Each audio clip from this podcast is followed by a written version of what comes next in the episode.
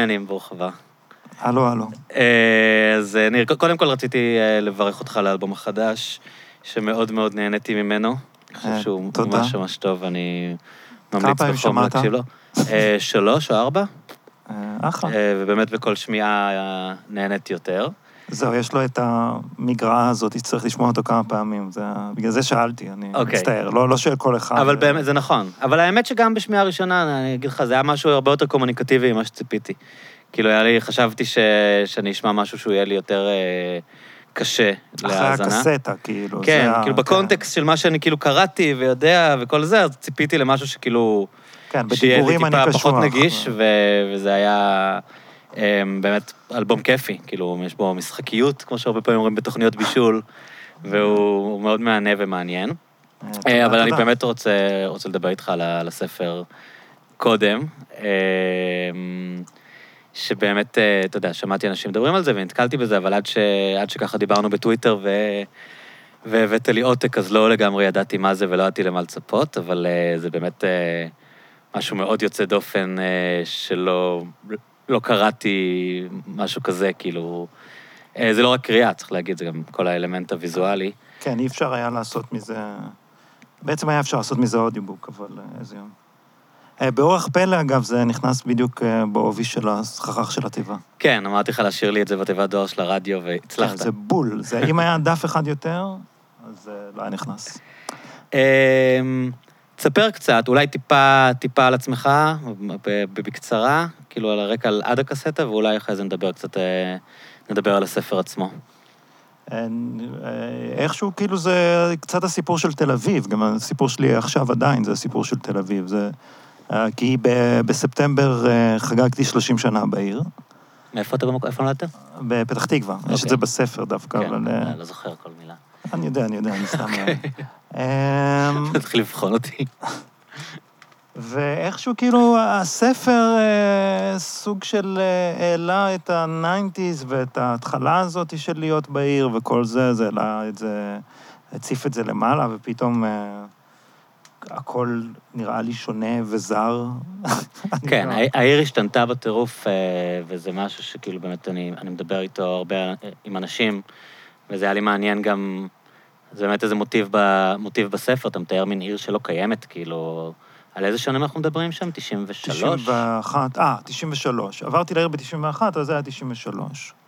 בוא, אולי, אולי אה, ניתן לאנשים איזשהו קונטקסט, כאילו... על מה בדרך, הספר? בדרך כלל מה- אנשים לא אוהבים ספוילרים, אבל אני חושב שקודם כל אפשר ליהנות מזה אז, גם עם אה, ספוילרים, וגם אה, עברה כבר שנה וחצי מאז שהוא יצא, לדעתי אפשר לספיילר קצת, אבל... אוקיי, מדובר על קסטה שהייתה כן. לי, שהביא לי חבר בלהקה, ולא היה כתוב עליה שום דבר, היא הייתה פשוט קסטה שחורה, והיא הלכה לאיבוד. כלומר, היה מוקלט עליה משהו, אני לא יכולתי לדעת מה הדבר הזה, הוא כל הזמן טען שזה גונג וזה לא היה נכון. וזהו, זה פשוט כאילו נשאר חור שחור, ועם השנים זה כבר לא דבר שקורה יותר, כלומר, זה אה, דבר שאי אפשר לשזם אותו, מוזיקה שאי אפשר להשיג אותו, אה, זה לא קיים, וזה התחיל להציק לי, אה, אני לא יודע... למה אף אחד לא מקשיב למשהו שהוא לא יודע מה זה, כאילו היום. כן, לא יכול לקרות, כן. על המסך מה אתה מקשיב. נכון, נכון. אפילו, בר... כאילו, אפילו ברדיו כבר כתוב לך באוטו, וגם... ואם לא, אתה. משזם. כן, כן, אה, מקסימום אתה יכול לראות הופעה באיזשהו מקום, והזמר לא, לא ירצה להגיד מי הוא. נכון. זה ה... אבל... הגג. אה, אז, אז זאת הייתה תעלומה, אני לא חושב שזו הקסטה היחידה שלא ידעתי מה יש עליה והיא הלכה לי לאיבוד, אבל אה, איכשהו יצא שדברים צפו מתוך האינטרנט שהם אה, נראו לי ויזואלית מתאימים להיות העטיפה של זה. כלומר, זה לא שזה נכון, זה זה שהאינטרנט הציף לי את החוסר הזה. אה, כל דבר שנראה כמו עטיפת זירוקס, או, או משהו תעשייתי, אז התחלתי לחפש, ו... שזה זה קשור הפך לזה שאתה אמן לאובססיה. ויזואלי, ואצלך כאילו, אתה גם עוד לא אמרנו את זה, שאתה, שאתה גם... אה, כן, שגם הספר? עם איורים, ובעצם שאני, אני לא רוצה אתה להגיד אמן אמן... גרפי, אמן... אה, אתה, אתה מתעסק ב visuals. כן, ב visual בצורה הרבה יותר משמעותית מאשר במוזיקה אתה באיזשהו מאייר, מקום. נכון? אפשר להגיד שאתה מאייר? אני מאייר, אנימטור, אני מתעסק גם בווידאו, אה, קומיקס. כלומר, אה, בוא, בוא נגיד שבמקור אני, אה, כמו שקוראים לזה, מאייר שולחנות בית ספר, אבל עם השנים למדתי איך להתעסק בנרטיב, ועכשיו כל דבר צריך להיות חלק מנרטיב, אז אם אני מאייר, אז זה יהיה קומיקס. ואם אני כותב, אז זה יהיה סוג של סיפור, כאילו, זה, כן. ה, זה העניין. גם בכזה גיל אה, 35, אז פתאום אה, מצאתי את המילים שלי, אה, בעצם, אז יש לי גם מילים. אז הסקרנות הראשונה שלך, אולי, אולי תגיד למה הקסטה הזאת הייתה חשובה לך, כי זה נשמע כרגע קצת רנדומלי, בטח למי שמקשיב, כאילו, מה, מה בכלל, כאילו, מה, למה 30 שנה אחרי אתה בכלל חושב על הקסטה הזאת? אמ, זה דבר מאוד מופשט. אני, אני חושב על ה... אני, אני חשבתי על הקסטה הזאת כי פשוט היה לה צורה בתוך הראש שלי. היה לי זיכרון מאוד מאוד מאוד חד ממנה, של אה, האווירה שהיא שידרה, וזה לא דברים שהיו בעולם שלי מעבר לזה. כלומר, זה היה בה בעצם משהו משהו חד. פעמי, כאילו. היה בה משהו חד פעמי, לפחות בתודעה שלי. אני, אני מוכרח להגיד שכששמעתי בסוף את התוצאה הסופית, זה לא שהיה בה משהו כל כך חד פעמי, אבל היה, בה, בה, היה לזה נוכחות חד פעמית בחיים שלי. ובאיזשהו מקום, גם כשלא התעסקתי בקסטה השחורה, מדי פעם הייתי גונב מזה. כאילו, מדי פעם היה כזה, לא שזכרתי מהלך הרמוני ספציפי, אבל הייתי לוקח איזושהי אווירה והייתי מערבב אותה עם דברים שאני עושה. למוזיקה שלך, מהזיכרון המעומעם שהיה לך מהקסטה כן. הזאת, היית משתמש כאילו למוזיקה שלך. כן. אוקיי. כמו, כמו שאתה יודע, יש לך סבתא אהובה, שלפעמים אתה יכול להכניס, להכניס אותה לעבודה שלך והיא כבר כן. לא נמצאת, משהו כזה. זה אגב כבר לא קיים, כן? כי עצם זה שחיפשתי את הקסטה בכזאת אינטנסיביות ושחזרתי וכל זה, זה די אה, העלים אותה מה, כן. מהיקום בצורה הזאת. אז, אז אתה החלטת שאתה רוצה להבין, כאילו, פתאום נכ- נכנסת לאיזשהו, אה, מה שקוראים פיקסציה, סתם, אה, אובססיה מסוימת, כן. להבין מה זה הקסטה הזאת, שבכלל אין לך אותה, איבדת אותה, כאילו. כן, היא לא, לא קיימת, אה, לא הייתה קיימת. אה, והחלטתי לשחזר אותה מהזיכרון, כדי בעצם לייצר כמו קלסטרון שאיתו אני אוכל לחפש את הקסטה המקורית. ושזה קיים גם בספר, כאילו זה סוג של ספר קלטת גם. אה, ומשם מתחיל המסע, המסע הזה, כן? שהוא בעצם מסע בזיכרון, יותר מ... בגיאוגרפיה. אז הל- הלכת, אתה מספר שם שהלכת למין רזידנסי כזה בערד, נסעת לערד, ובמשך שלושה שבועות ניסית להקליט את הקסטה שאיבדת מהזיכרון, כדי שיהיה לך אה, אפשרות להשמיע לאנשים אחרים ולנסות לאתר את זה, כאילו כחלק מתהליך החיפוש. כן, גם אני חושב שבדיעבד ידעתי שאני עומד לאבד את זה בתור נעלם, וניסיתי להשתמש בעדים האחרונים של הדלק שלה, כאילו, בשביל שזה... מה, שהזיכרון שזה מפסיק לחיות לך בראש? כאילו? כן. שג... וגם כאילו שככל שאני בעצם אה, אדפוק על המסמר הזה יותר, מתישהו זה ייגמר, כאילו. זה לא, וזה באמת קרה, כן? זה לא... זה, הקסדה השחורה הפסיקה להיות חלק מהעולם שלי ברגע שיצא הספר. זה כאילו שהוצאתי את הדיבוק הזה. זה... שבסך הכל היה דיבוק די מועיל, את האמת, אני לא... בעצם אתה, אז אתה הקלטת את, ה, את הקסטה הזאת, ואז בעצם פנית לאנשים ואמרת להם, הנה, תשמעו מה שהקלטתי, כמו מה זה נשמע לכם. כן, בדיוק. והתהליך הזה היה ארוך. אה, זה היה בעיקר משונה, אני לא יודע להגיד אם ארוך, אבל אה, זה היה בעיקר משונה, ומשך אותי לכל מיני מקומות שלא הייתי מגיע אליהם. באינטרנט, פייסבוק, אה, שטויות כאלה, לא, לא מקומות אפלים במיוחד, אבל הגיאדה שהאנושות מסוגלת לה זה, זה משהו רציני. אה, וגם מצאתי את הקסטה, אה, שזה ספוילר לספר, אבל בסדר, לא, לא נורא. אה, אני אגיד שזה באמת, הצלחת ליצור בכתיבה עצמה, כאילו, מתח. אתה, אתה קורא את זה ואתה נכנס לחוויה הזאת של המסע הזה, של, שלך מנסה להבין מה, מה קורה בקסטה, וגם אתה מסביר שם, כאילו, בצורה טובה, מה, מה עברת איתה ולמה למה זה חשוב לך, כאילו, כל התהליך הזה שעבדת על הסרט, אה, נכון? עם... אה, של- אה, שעם גור, ש... כן. כן, זה, זה גם העלה את התקופה. אה, אה, ובעצם באיזשהו מקום הספר הוא על התקופה הזאת. אה, אה, העבודה על הכוכב הכחול וכל השטויות האלה. שאתה בעצם עשית שם את ה storyboard? עשיתי את ה storyboard והייתי, אה, עשיתי את ה art, אז הייתי על הסט, כלומר, גם עזרתי לבשל את האוכל, זה לא שזה היה סרט כזה גדול, ו... אה, זה היה מעט מאוד אנשים. אה, זהו, זה... מעניין, אני הקשבתי ל... בסוף אז אמרנו, אתה הצלחת, הצלחת לפצח מה זה הרבה בזכות... אה, והקשבת לזה אתמול, באמת. כן, אז אתמול ביקשתי ממך לשלוח לי את את הקסטה המקורית, והקשבתי ל- למה שאתה עשית, לקלסטרון, שאתה הכנת כדי לנסות, אה, לנסות לאתר את זה. אה, וזה זה היה די מעניין, כאילו, לשמוע את ההבדלים. יש משהו כאילו הרבה הרבה יותר אינטנסיבי בקסטה המקורית, לעומת מה שאתה עשית, כאילו, יש שם משהו שהוא, אה, לא יודע, יש יותר אגרסיות, כאילו זה הרגיש לי כאילו שאולי אה, בן אדם מבוגר כזה, אה, לא יודע מה, יותר רגוע. זה מעניין, רגוע? כן, מע- מעניין כאילו מה קרה למוזיקה הזאת בזיכרון שלך לאורך 30 שנה, איך כאילו משהו ש, ששמעת, איך אתה שומע אותו 30 שנה אחרי. כן, כאילו, זה היה. האישו בעצם, זה... והיו לך מסקנות מזה, כאילו, מה, כשאתה שמעת את ההבדלים? אמ, אני חושב ש... הבנתי ש... זה, זה, לא, זה לא מסקנה מאוד ברורה, אבל שחלק ממה שהיה להם זה האפשרות להיות חלוצים. כי כשאני, כשאני עשיתי את זה 30 שנה אחרי, אז כל המחשבות האלה על, אה, את זה כבר שמעתי, זה, זה לא מקורי, וכל מיני דברים, הם, הם כולם התקיימו. בגלל זה גם אה, הייתי כמו, גם כמה שניסיתי לא, אז הייתי הרבה יותר מעודן. אה, בזמן שאצלהם זה היה כזה כלים שהם המציאו, הכל מאוד מאוד ראשוני, זה לא ש... זה עולם חדש ומופלא שהם יכלו לשחק איתו ולעשות את הדברים היחסית ברוטליים שהם, יחסית ברוטליים שהם עשו. אמ, אז אה, זה בערך זה. אני... אבל הספר כאילו מתעסק הרבה ב, בעצם ב, בתמות של זיכרון. כאילו, המסע הרי הוא לא...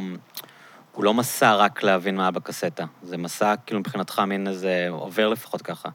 כמין מסע באמת לתקופה הזאת, וכמו שאמרת לי, כזה, לעיר שאין. ולערך של זיכרון, ו... כן, והעיר שאין. העיר שאין זה פשוט אישו שכן נשאר אחרי הספר. כאילו, הקסטה נעלמה, אבל ה... הבגידה של העיר, או ההשתנות של העיר, אני... אתמול, אה, שלשום עברתי בסמטה אלמונית, ופתאום גיליתי שהבניין החסר ייחוד לחלוטין, שנמצא בסוף הסמטה, עם איפה שהיה הטיח? הצהוב, אה, לא, אח... אה, ממש בסוף, כלומר, זה שאתה יכול לראות מקינג ג'ורג' פנימה. שהוא אה, באמת אה, אחד ממיליון בניינים בתל אביב שנראים אותו דבר, אבל אני מכיר מישהי שגרה שם, וזוג שיצא מהבניין הזה, ואיכשהו זה תמיד אה, קצת סימל את העיר בשבילי. אז אה, הוריד את הבניין הזה, כן? זה לא... וזה באמת, זה לא בניין מיוחד, זה רק בניין מקסים ברחוב מקסים. אה, התחלתי לדבר על ספר והגעתי לבניינים הרוסים. כן, אבל כשאתה אומר כאילו הבגידה של העיר, זה כאילו, זה נשמע, נגיד, זאת דוגמה לסתם משהו כאילו בהיסטוריה הפרטית שלנו, לא? שכאילו, בסדר, אתה יודע, בניינים נהרסים, כאילו... אתה מבין מה אני מתכוון? כאילו... אה, כן, בניינים זה בניינים, אבל אה, איכשהו... אה, זה נראה כאילו אנחנו חיים במציאות קרה ואובייקטיבית, שבה נדל"ן זה נדל"ן, ואתה יכול להעמיד 170 אנשים פה שישנו בצהריים ולהזכיר להם את זה, אבל הערך של הבניינים האלה הוא ערך שהוא לגמרי סנטימנטלי. זה, יש סיבה שבתל אביב אה, נדל"ן עולה יותר משהוא עולה במקומות אחרים בארץ, וזה לא בגלל שזה יותר טוב, לא, זה בגלל שזה... יש לזה ערך מופשט, בסופו של דבר, והעיר מתבססת על ערך מופשט ולא על uh, הערך ערך. כאילו הרעיון של תל אביב, אבל היא גם יותר טובה, כאילו, זה לא... גם יותר טובה, כן. Uh, הרבה דברים יותר טובים, אין מה... אני סתם אומר, זה מעניין, בספר גם כאילו אתם מדברים על ברלין, כי הייתה איזו תקופה שהייתם שם. וברלין זה מין מקום כזה שתמיד אנשים אומרים, פעם היא הייתה מגניבה, פעם היא הייתה מגניבה. כאילו, אנשים ב... לגמרי, כל הזמן. אני, אני כל הייתי הזמן. שם פעם ראשונה, אני חושב, ב-2008, וכולם אמרו, אה, הגעת מאוחר מדי, העיר הייתה מגניבה קודם. אני הייתי ב-93 ועברו את זה, כן. וזהו, וזה זה גם הצחיק אותי, שאתה אומר, ב-93 כבר אמרו לך שזה כבר לא זה, ובטח שאנשים היום אומרים, לעומת מה שהיה ב-2008, אז היה אנדרגראונד. כאילו, זה מין... אמ, אני, אני תמיד תוהה אם זה כאילו, אתה יודע, אם, אם לאנשים צעירים זה מגניב היום, וכאילו, ומה שאנחנו מתייחסים אליו כ, ככבר לא מגניב, זה סתם כי אנחנו לא רלוונטיים או, או לא חלק מזה. אה, ברור. כן. ברור שאנחנו לא רלוונטיים, אבל גם, גם באיזשהו מקום יש איזושהי אה, האחדה מאוד ברורה, וזה דווקא כן קשור לברלין, כי בעצם הברלין הזאת של אז, היא מה שיצרה את המודל של איך צריכה להיות עיר אה, קוסמופוליטית בימינו. והיום כשאתה תהיה בבודפסט או בקייב או בכל מיני מקומות כאלה, אתה, ת, אתה תמצא איזו זהות מאוד גדולה לתל אביב, זה כבר לא כל כך שונה. כן. זה הכל נהיה אותו דבר. בתי קפה נראים אותו דבר, יש איזו חנות תקליטים מגניבה, זה הכל אתה מסתובב. ואיפסטרים זה איפסטר, כן. איפסטרים זה קעקועים. חנות יד שנייה. ו... אז, וזה כאילו, וזה נראה שתי טיפות, שתי טיפות מים, כמו שברלין נראתה ב-93. וכשאני חזרתי מברלין לפה, זה היה כאילו, למה זה לא כזה? למה זה לא יותר מגניב? למה אין פה אה, סבאים עם רסטות? כן. כאילו, והנה זה זה, אה, זה אבל יותר אז זה כבר לא מגניב. תל אביב, כאילו. אה, כן, זה עדיין תל אביב, זה עדיין, אה, יש פה ים שאין בברלין, ועדיין יש איזו קלות אה, מדהימה ו- ויופי מכוער שאפשר להבין רק אחרי שנמצאים פה עשור. אה, אבל אה, זה פחות, כן. יש לי, גם, גם עצם זה, בוא, אה, זה, זה קשור לכלכלה. זה שבמקום לעשות כל דבר, במקום לשבת פה ולהקליט את הפודקאסט, אתה עדיין יכול להזכיר את זה ולעשות מזה יותר כסף. את החלל אתה מתכוון? כן. מהמם. זה הופך את הכל למיותר. זה שבמקום להיות מסגר, עדיף לך, עדיף היה לך לשים פה מיטה ולהזכיר את זה למישהו שישן פה, כי הוא רוצה חלק מהערך הסנטימנטלי, או כי פה יש עבודה, במקומות אחרים אין, זה הופך הרבה מאוד דברים למי- למיותרים. אז כן, בתור בן אדם שמתעסק באומנות, ובתור... אז, אה, ובוא נגיד שזה לא רק אני, גם הבני 20 ומשהו שמגיעים לעיר, אה, הם לא באו לעשות, רובם לא באו לעשות כסף, הם באו לעשות את החיים שלהם יותר מעניינים, אז אה, זה איזשהו גורם שעובד נגד כל הזמן. אה, אני אני לא בטוח לגמרי שהבנתי. למה ב nineties כשהיה זול אז זה לא היה מיותר? כאילו, תמיד לעשות אה, אומנות אנדרגראונד, אפשר להתייחס לזה כאילו בציניות כדבר מיותר, לא? אה, אם לא מרוויחים מזה כסף, אה, זה דבר לא מיותר כל עוד אתה יכול לעמוד מאחוריו. כלומר, אה, בשביל להקליט אלבום, או, או, או מה שלא יהיה, צריך חדר. צריך אה, חדר בדירה, וצריך זה. ו, ובעצם זה שאתה משתמש בחדר הזה, שזה חלל שיכולת להשכיר אותו למישהו מח, בן 20 מחדרה, או 30 אפריקאים, ולעשות ככה וככה כסף. אז זה לא רק שאתה מפסיד, אתה לא עושה כסף, אתה בעצם מפסיד כסף. ו... אבל זה נשמע שזה לא בעיה עם תל אביב, זה בעיה עם, אה, עם הערכים של אנשים. כאילו, הערכים של אנשים השתנו. אם בן אדם מעדיף לעשות משהו שמכניס לו כסף לעומת לעשות אה, אומנות, אז, אז משהו כאילו השתנה שהוא... זאת תל אביב זה רק סימפטום של זה, אתה מבין מה אני? כשזה זול, אז אתה Mm. יכול לקנות את הזמן שלך, אבל אה, בעצם כשזה מתחיל להיות יקר, אז אתה גם קונה את הזמן שלך יותר ביוקר, וגם אם אתה משתמש בחלל למטרות שהן לא רווח, אתה, אתה פשוט מתחיל לגלוש אחורה. זה, זה אה, אה, אחת הסיבות שאנשים עוברים לברלין היום, אה, כבר לא היום, אבל בעשור הקודם, זה היה הקטע הזה של אפשר לחיות בזול, אפשר לחיות... אתה יכול להשתמש בזמן שלך. כן. הקטע הוא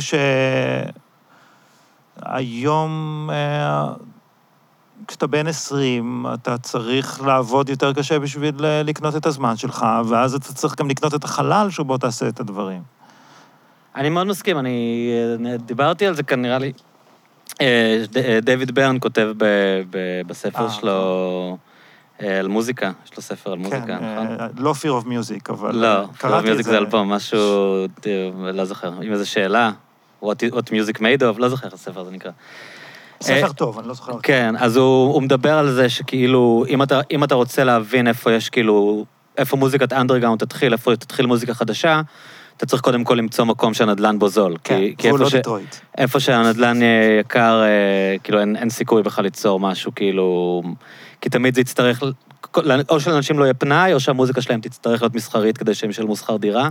לא יהיה לאנשים כאילו את היכולת בכלל לעשות משהו שהוא מחתרתי, או שהוא חדשני, או שהוא לא מסחרי. ספציפית, אה, נגיד, Talking Heads, כן. הם לא גדלו בניו יורק. וכל הדור שלהם, אה, זה היה גם CBGB? אני... CBGBs. CBGBs. כן. הם, הם כולם, אה, הם כולם לא הגיעו מניו יורק, גם Television וכל הדברים המדהימים שקרו אז. ואז כשאתה מסתכל על הדברים שקרו באלף הנוכחי, זה כולם ילדים של אנשים שגדלו, שנולדו וגדלו בניו יורק. כלומר, כבר אין הגירה Strokes, החוצה. נגיד, הם ש- להקה של ילדים עשירים מניו יורק. וזאת שעשתה את Girls, אה, גם גדלה... לאנה דל ריי. לאנה דל ריי גם? כן. לאנה דל ריי, כן, אבא שלה בנקאי השקעות או משהו, היא גם ילדה מאוד עשירה. כן. אז, זה, אז זה, הם יכולים, יכלו לנשום במרחב הזה בזמן שהמהגרים חדשים כבר לא יכלו לעשות את זה. זה, זה העניין. כאילו, לא יכולים לבוא היום חבורת אה, ילדים מדיטרויט, לשכור דירה ב... ב Lower East Side ולהקים להקה, אז כאילו אין... אין לא. ואגב, חלק מהעניין... אבל יש בברוקלין קצת, אני חושב, או היה לפחות עד לפני כמה שנים, כאילו... היה את הגל freak folk של תחילת כן. האלף, שזה היה בברוקלין. אני לא באמת... אה, ובתל אה, אביב אתה חושב שזה כבר אותו דבר? כי אני כן פוגש... אה, זה מתחיל להתקרב לזה, זה, יש מין איזשהו, יש את ההרגשה של הפער. אגב, זה לא, זה לא, אמ, היפ-הופ זה משהו אחר. בהיפ-הופ דברים כן קורים, וחלק מהעניין זה זה שלא צריך מערכת תופים.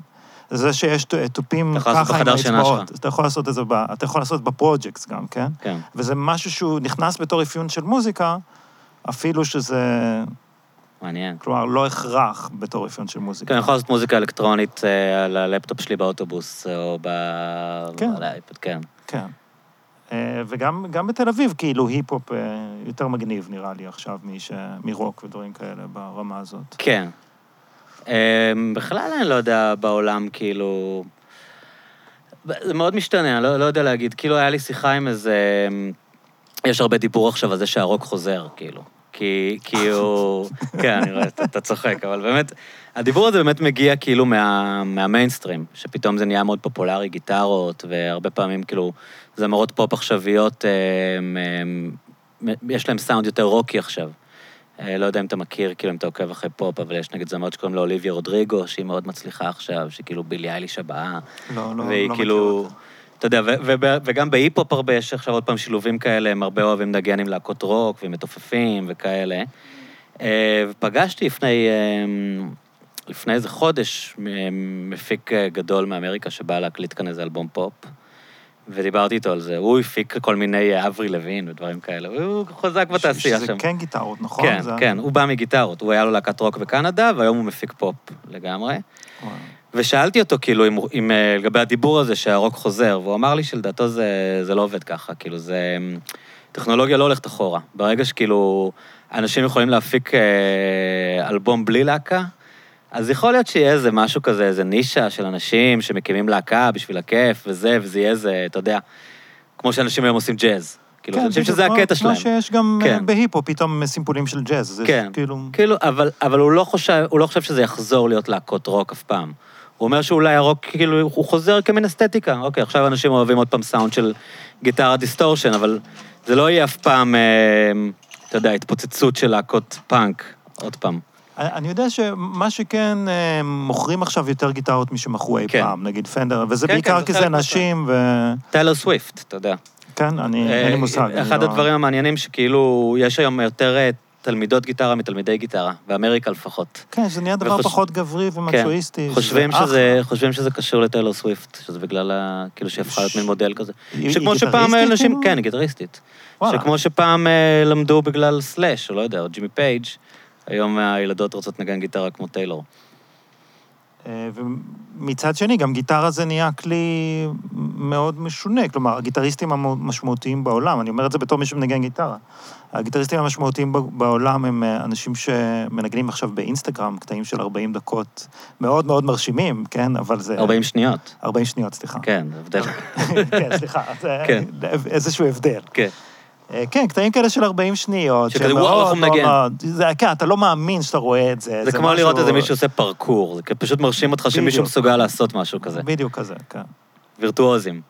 וירטואוזים, שזה, שזה אחלה שכבר לא צריך לשמוע אלבומים של 40 דקות של וירטואוזים, זה, זה כן, כיף, זה. כן?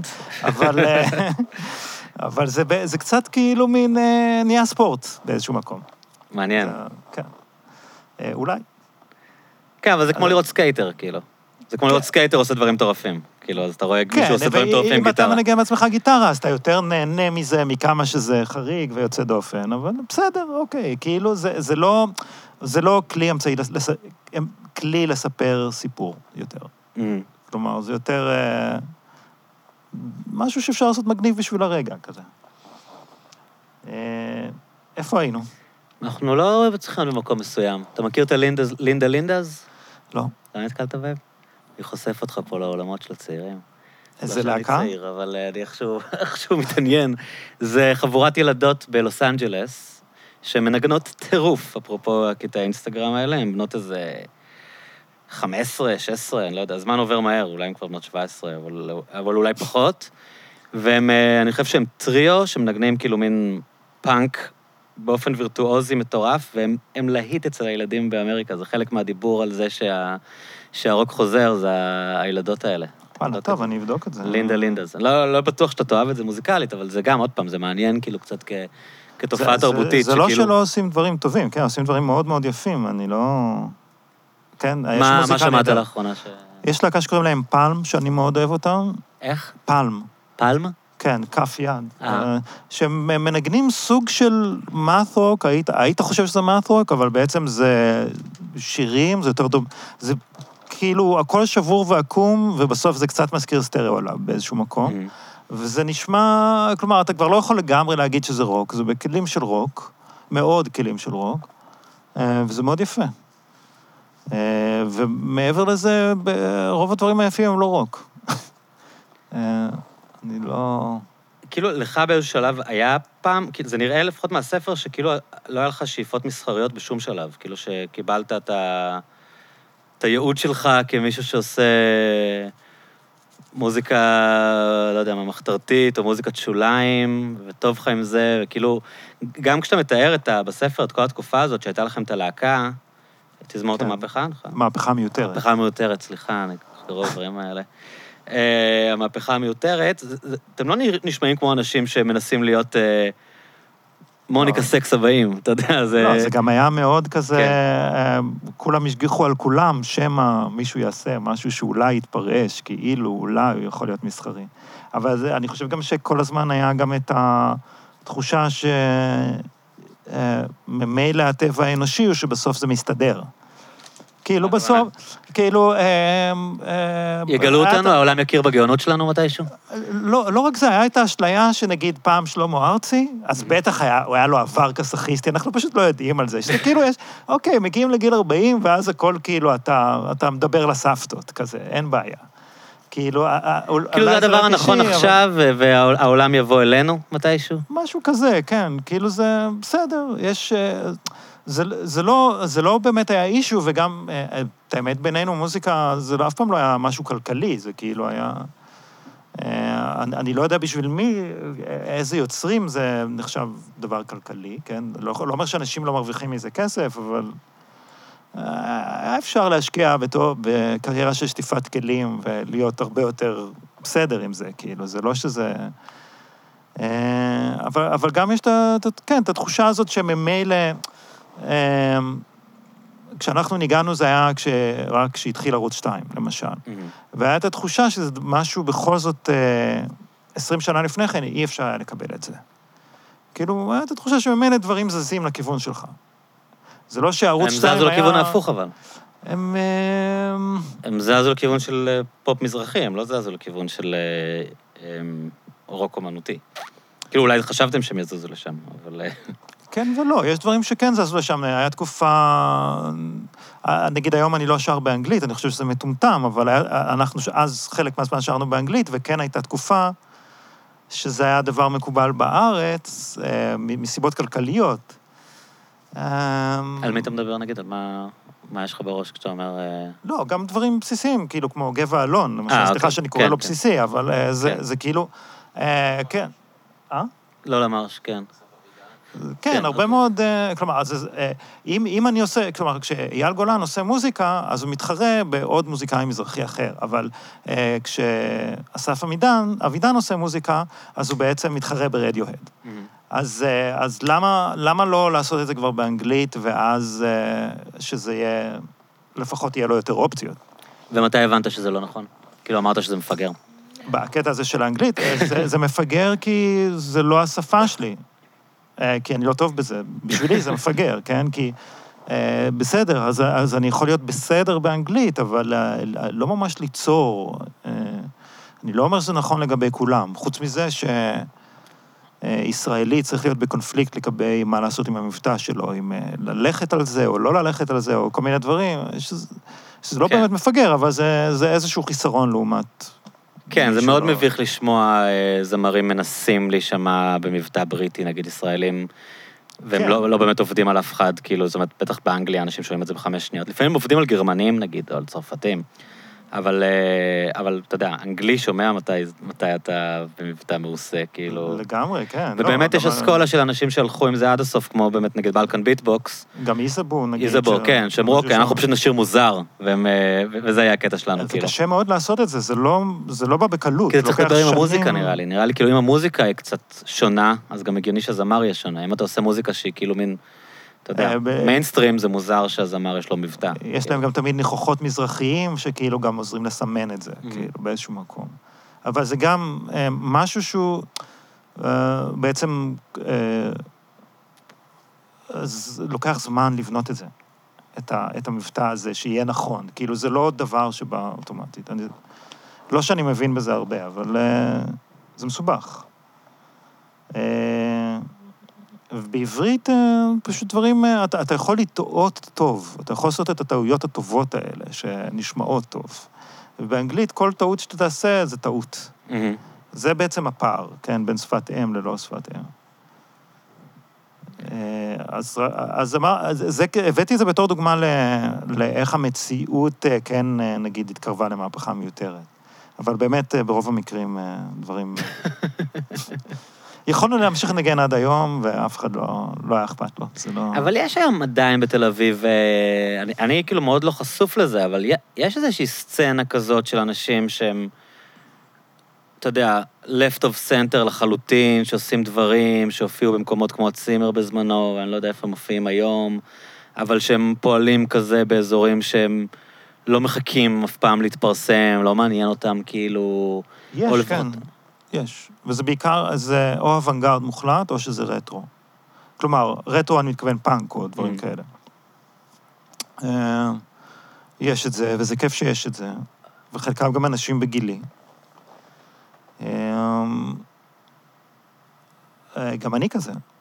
כאילו כשאתה מוציא את האלבום החדש שלך, אין לך ציפייה שהוא יגיע להרבה אנשים מלכתחילה? כאילו, זאת אומרת, אין לך אפילו פנטזיה שזה יגיע להרבה אנשים? אני לא יודע להגיד, תמיד יש את הפנטזיה, זה משמח. על האלבום הקודם, אה, נגיד, היה מין, אה, היה ביקורת בארץ, שהביאה פתאום הרבה מאוד אנשים לשמוע אותו. לא הרבה מאוד, כן, זה לא, עוד פעם, זה לא בקנה מידה של אייל גולן או משהו כזה. יש, אבל זה, זה אה, גם בפועל, אה, גם אם היו שומעים את זה עכשיו מיליון אנשים, אני לא חושב שהייתי עושה מזה כסף. אז, ב, ו, ואין לי איזושהי דרך אה, לייצר, אה, חוץ מנגיד להיות פה, כן? לייצר עניין בזה אה, מיוחד. אה, כאילו, אני לא שופט בריאליטי או משהו כזה. כן. אז אה, בסדר. היה לכם אנטי, נגיד, ל- אז כשעבדתם, נגיד, ל... לא יודע מה, לכל הלהקות האלה של רוקסן, שפתאום אה, היו כל זה בטלוויזיה כל הזמן, ועל שערים של עיתונים. כאילו, איך אתם ראיתם את הסצנה הזאת ש... שצוירה בתקשורת כמין משהו אלטרנטיבי, ואת כאילו, בטח מבחינתכם הם לא, הם לא היו אלטרנטיביים בכלל, באיך שאתם ראיתם את זה. כן, זה, זה, האמת שזה קצת קרה לפני המהפכה המיותרת. בשבילי זה היה אה, ממש מבאס, כי אני מאוד אהבתי את נושא המקבעת ואת DXM וכל מיני הרכבים אה, שהסתובבו אז בסביבה, ובעצם מה, ש, מה שהצליח היה הרבה יותר דומה למה שהיה קודם. זה כאילו היה מין... אה, אותה מוזיקה ישראלית, אבל אה, קצת אה, יותר... Distortion. כן. אפילו לא, לא כזה דיסטורשן כזה. לא שזה דברים רעים, כן, אבל זה היה לא מהפכה, באמת. הוא הוצג כמהפכה, אבל זה לא היה זה. גם לא היה לזה באמת שום המשכיות, אני חושב. כאילו זה היה מין כזה, כאילו מין כזה גל של להקות רוק, שנגמר וזהו. כאילו, לא ראית, זה לא עשה איזשהו שינוי, כאילו, תרבותי, אני חושב, אה, במוזיקה אה, הישראלית. יש עכשיו הרבה מאוד אה, להקות שמושפעות מזה, איכשהו. לא יודע אם הרבה מאוד, אבל כמה להקות שאני מכיר. ו... זה, אבל זה כן היה, כאילו, הקונספט הזה של אליטה שמחליטה בשביל, בשביל השאר, זה, זה כן היה זה. כאילו, ישבו אנשים בגלי צה"ל ואמרו, זקני צפת הם מגניבים, בואו נשים זקני צפת ברדיו, בואו נביא אותם לטלוויזיה, ו... ואז יושבים אנשים ב... כאילו, אני מדמיין, לפני כמה זמן, אתה יודע, ראיתי קליפים כאלה של זקני צפת מהטלוויזיה. מה, יש, היה את התוכנית הזאת של קוטנר, כן. שהיה בזקני צפת, ואיפה הילד כן, וכל זה, נכון. שזה היה כאילו מין, אה, כולם הקליטו את זה, אחי הקליט את זה בווידאו, כן, אני, אני ואנשים- ראיתי את זה בתור ילד, כאילו, וזה היה כזה וואו, אבל אני חושב מה זה היה בשביל אנשים בפריפריה, כאילו, שפותחים את הערוץ היחידי בטלוויזיה ורואים את הדבר הזה, כאילו... אני- איזה, איזה מין תחושה זה עשה להם, כאילו שכופים עליהם, אתה יודע, מין משהו שהוא כל כך... אז זהו, זה, זה לא היה כפייה ממש, כאילו, זה היה ערוץ 2 הניסיוני, Mm. ואני יודע אחרי זה, שבפסטיבל ערד, שאחרי זה, אז כולם הכירו, נגיד, ספציפית זה היה איפה הילד, ואחי היה שם, אז כולם הכירו את כולם אלוהים, שזה... כן, שזה כולם- מה שהיה בתוכנית. אה, אחד אלוהים. אחד אלוהים, סליחה. כן.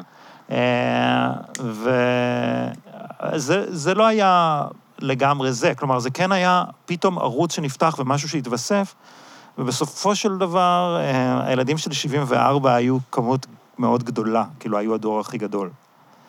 מספרית? זה מין מספר- בייבי בום של ישראל כזה? בייבי בום של אחרי יום כיפור, הילדים של חורף 73. כן. 73, 74, זה היה, והם כאילו יצרו את כל הדבר הזה, כן? וזה נגמר שהם הלכו לצבא, אני חושב.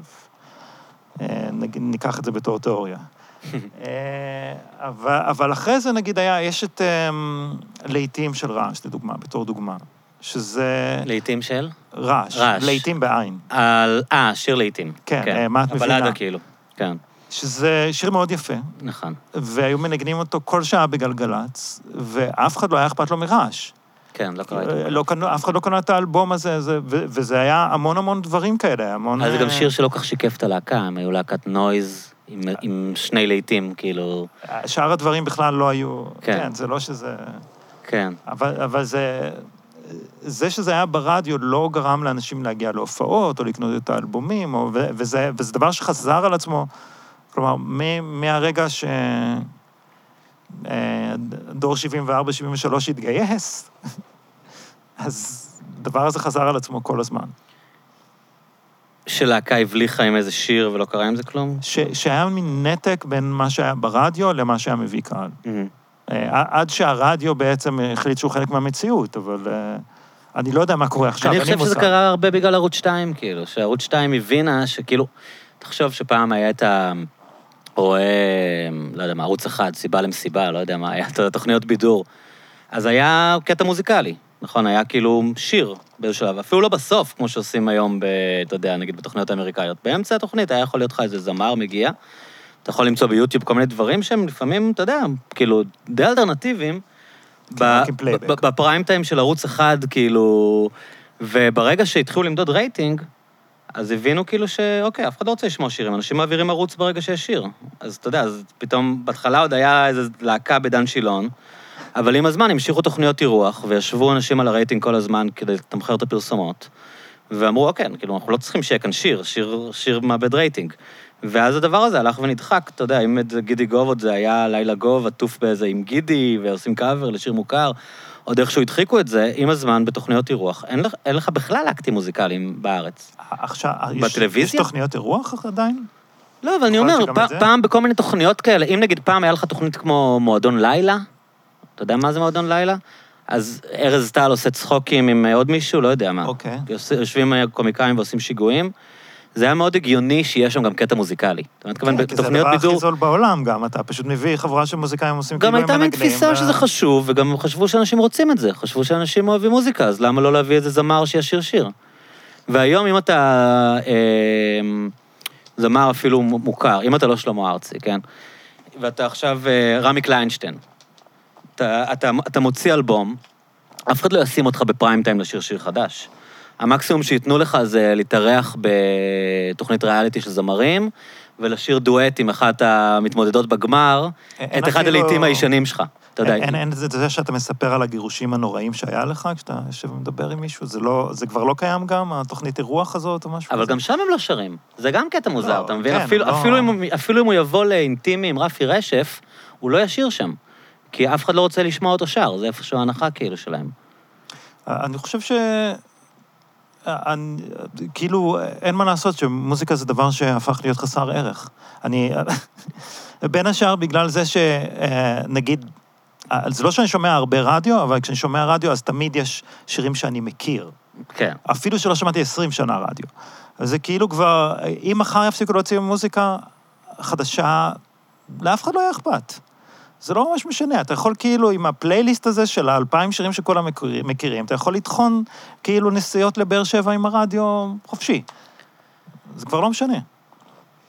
אני מנסה לחשוב על זה שאמרת כאילו שמוזיקה היא דבר בלי... הרי תראה, אנשים מאוד אוהבים מוזיקה גם היום. אנשים משלמים לספוטיפיי כל חודש, אתה יודע, החברה הזאת כאילו היא אימפריה מטורפת ששווה מיליארדי דולרים. אבל הם טוענים שמפסידים כסף כל הזמן, ובעצם הם אומרים את זה כדי לא מוזיקאים לשלם לאמנים. כן, כדי ברור. שהאמנים לא יפתחו עליהם עיניים שהם לא משלמים. אני לא מאמין שהם אה, מפסידים כסף שיש להם כאילו מאות מיליוני מינויים אה, כל חודש. אני חושב שאם מחר אה, המחלקת אבטחה של ספוטיפיי תהיה חולה, ולא יוכלו להגיע לעבודה, אז כולם יהיו בהיסטריה. אבל אם כאילו אף מוזיקאי לא יגיע לעבודה בספוטיפיי, לאף אחד לא יהיה אכפת. זה בערך העניין. כלומר, חוץ מזה שהמוזיקה כבר קיימת, והיא מנותקת מהבן אדם, אפשר לעשות איתה מה שרוצים, גם, גם אם לא יעשו יותר מוזיקה חדשה, זה לא ישנה להם יותר. כאילו, זה לא שמישהו יבוא ויגיד, אה, אני לא אעשה מינוי לספוטיפיי, כי האלבום החדש של ניר מטרסו לא שם. לא, לא ניר מטרסו, אבל אתה יודע, דרייק, אתה מבין, כאילו, אנשים, או אני לא יודע מי, מרגי, כאילו, אנשים, אנשים אוהבים מוזיקה, לא נראה לי, נראה לי שכאילו זה פשוט נורא השתנה, ואולי המיינסטרים אה, מחק את השוליים באופן מוזר, כי היית מצפה אולי באינטרנט ש... שיקרה איזה משהו הפוך, כאילו, אתה יודע, שהמיינסטרים יתפרק ושכל אחד ימצא מה שהוא אוהב. מה שקראו לו הזנב הארוך פעם. מה זה זנב הארוך? אז אה, היה את הרעיון הזה של מיינסטרים, של כאילו, אה, אם אתה לוקח גרף, אז בצד שמאל שלו יש את הראש הגדול, כאילו, איפה שרוב האנשים נמצאים וכל כן. זה. ובעצם הרעיון של אינטרנט והזנב הארוך היה שיש לך מקום להרבה מאוד שוליים. נגיד, רוק מתקדם ומטאל יכול להמשיך להתקדם, להתקיים, אפילו שזה כבר לא באופנה. ואז מה שקורה זה שהגרף התעניינות יוצר מין זנב ארוך לראש הגדול הזה. אמ, שזה קיים. זה קיים, אבל פשוט אה, אף אחד בתוך הזנב הזה לא יכול להתפרנס. זה לא... זה לא דבר. כאילו, זה פשוט אה, יכול להתקיים, זה לא יכול להיות יותר... אבל אף. פעם אמני שוליים לא התפרנסו, כאילו, זה לא שאמנים אלטרנטיביים, זה לא שיוסי אלפנט עשה כסף ממוזיקה בשנות ה-80, כאילו, זאת אומרת, אני חושב ש... יוסי שתמיד- אלפנט הפיק שני אלבומים. לא, בסדר, כמפיק, אבל המוזיקה שלו, הוא אף פעם לא התפרנס ממנה. כאילו, יש, אתה יודע, הרבה נושאי המגבעת, לא עשו הרבה כסף.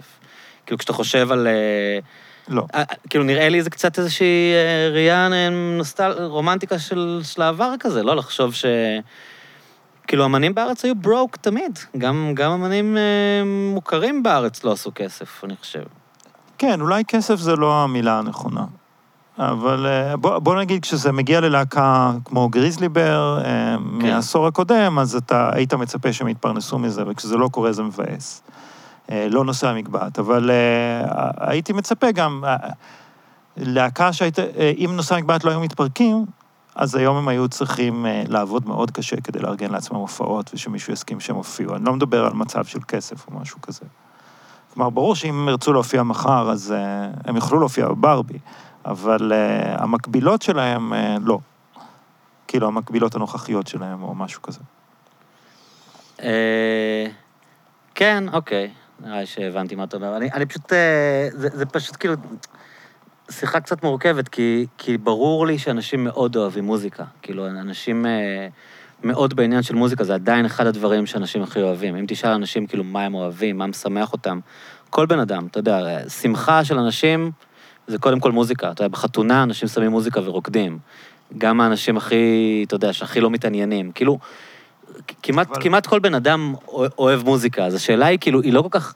כשאמרת שמוזיקה היא דבר מיותר, אז, אה, אז אני לא כל כך יודע איך, איך להתייחס לזה, כי, כי תגיד לכל בן אדם בעולם שהוא לא יכול לשמוע יותר מוזיקה, גם בן אדם שלא מתעניין יותר, שלא מתעניין בכלל במוזיקה, גם אם הוא מקשיב לאותם אה, ארבעה שירים כל החיים שלו, מוזיקה היא דבר מאוד מאוד חשוב, ואני חושב כמעט לחלק מכריע באנושות, אז, אז כאילו, נראה לי צריך טיפה, בוא, נגיד טיפה לפרק את זה כשאומרים... מוזיקה ש... חדשה זה דבר מיותר, בעיקר.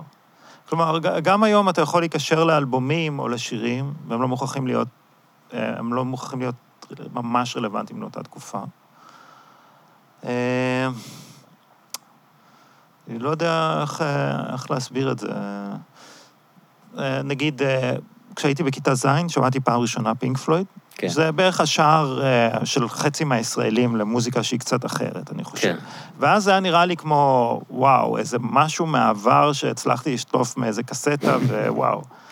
ואז פתחתי רדיו, וזה היה מין, what the fuck, כאילו, אין שום דבר ישן ברדיו. הכל חדש, חדש, חדיש ומחודש, כל הזמן.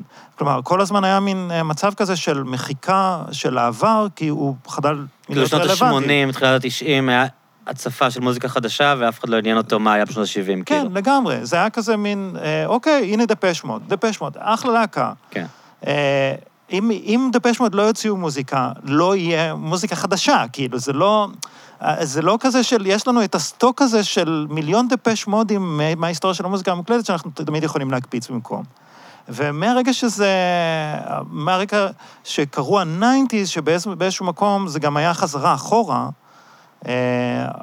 כאילו כל הגראנג' הזה וכל זה, זה היה מין חזרה אחורה, אז פתאום אה, נהיה מין מצב כזה של, היי, רק רגע, אה, יש לנו כבר את ה... כאילו, מהביטלס ועד עכשיו, יש לנו כבר את המאגר הזה, וגמרנו, כאילו, לא צריך יותר. כן, אתה כאילו לא צריך אה, זמר folk חדש שיבוא לך עם גיטרה קלאסית ויכתוב שיר מאוד יפה כשיש לך את ניל יאנג כבר. נכון. כאילו, הוא, לא, הוא כנראה לא ייתן לך איזשהו added value, זה כנראה יהיה פחות טוב, כאילו... והיפ-הופ זה היפ-הופ, כן? זהו, זה העניין, שכאילו נראה לי באמת, מה שאתה מתאר כמוזיקה דבר מיותר, זה קצת פשוט הסוף של הרוק. אה, כאילו, אבל, כי, אבל כי אנשים לא... כן, צעירים אוהבים מוזיקה אלקטרונית וצעירים אוהבים היפ-הופ. ו... וזה, וזה, ומעניין אותם מה יוצא עכשיו. אתה שומע ילדים... אבל רוק כערך, אני מתכוון. כלומר, זה לא רק...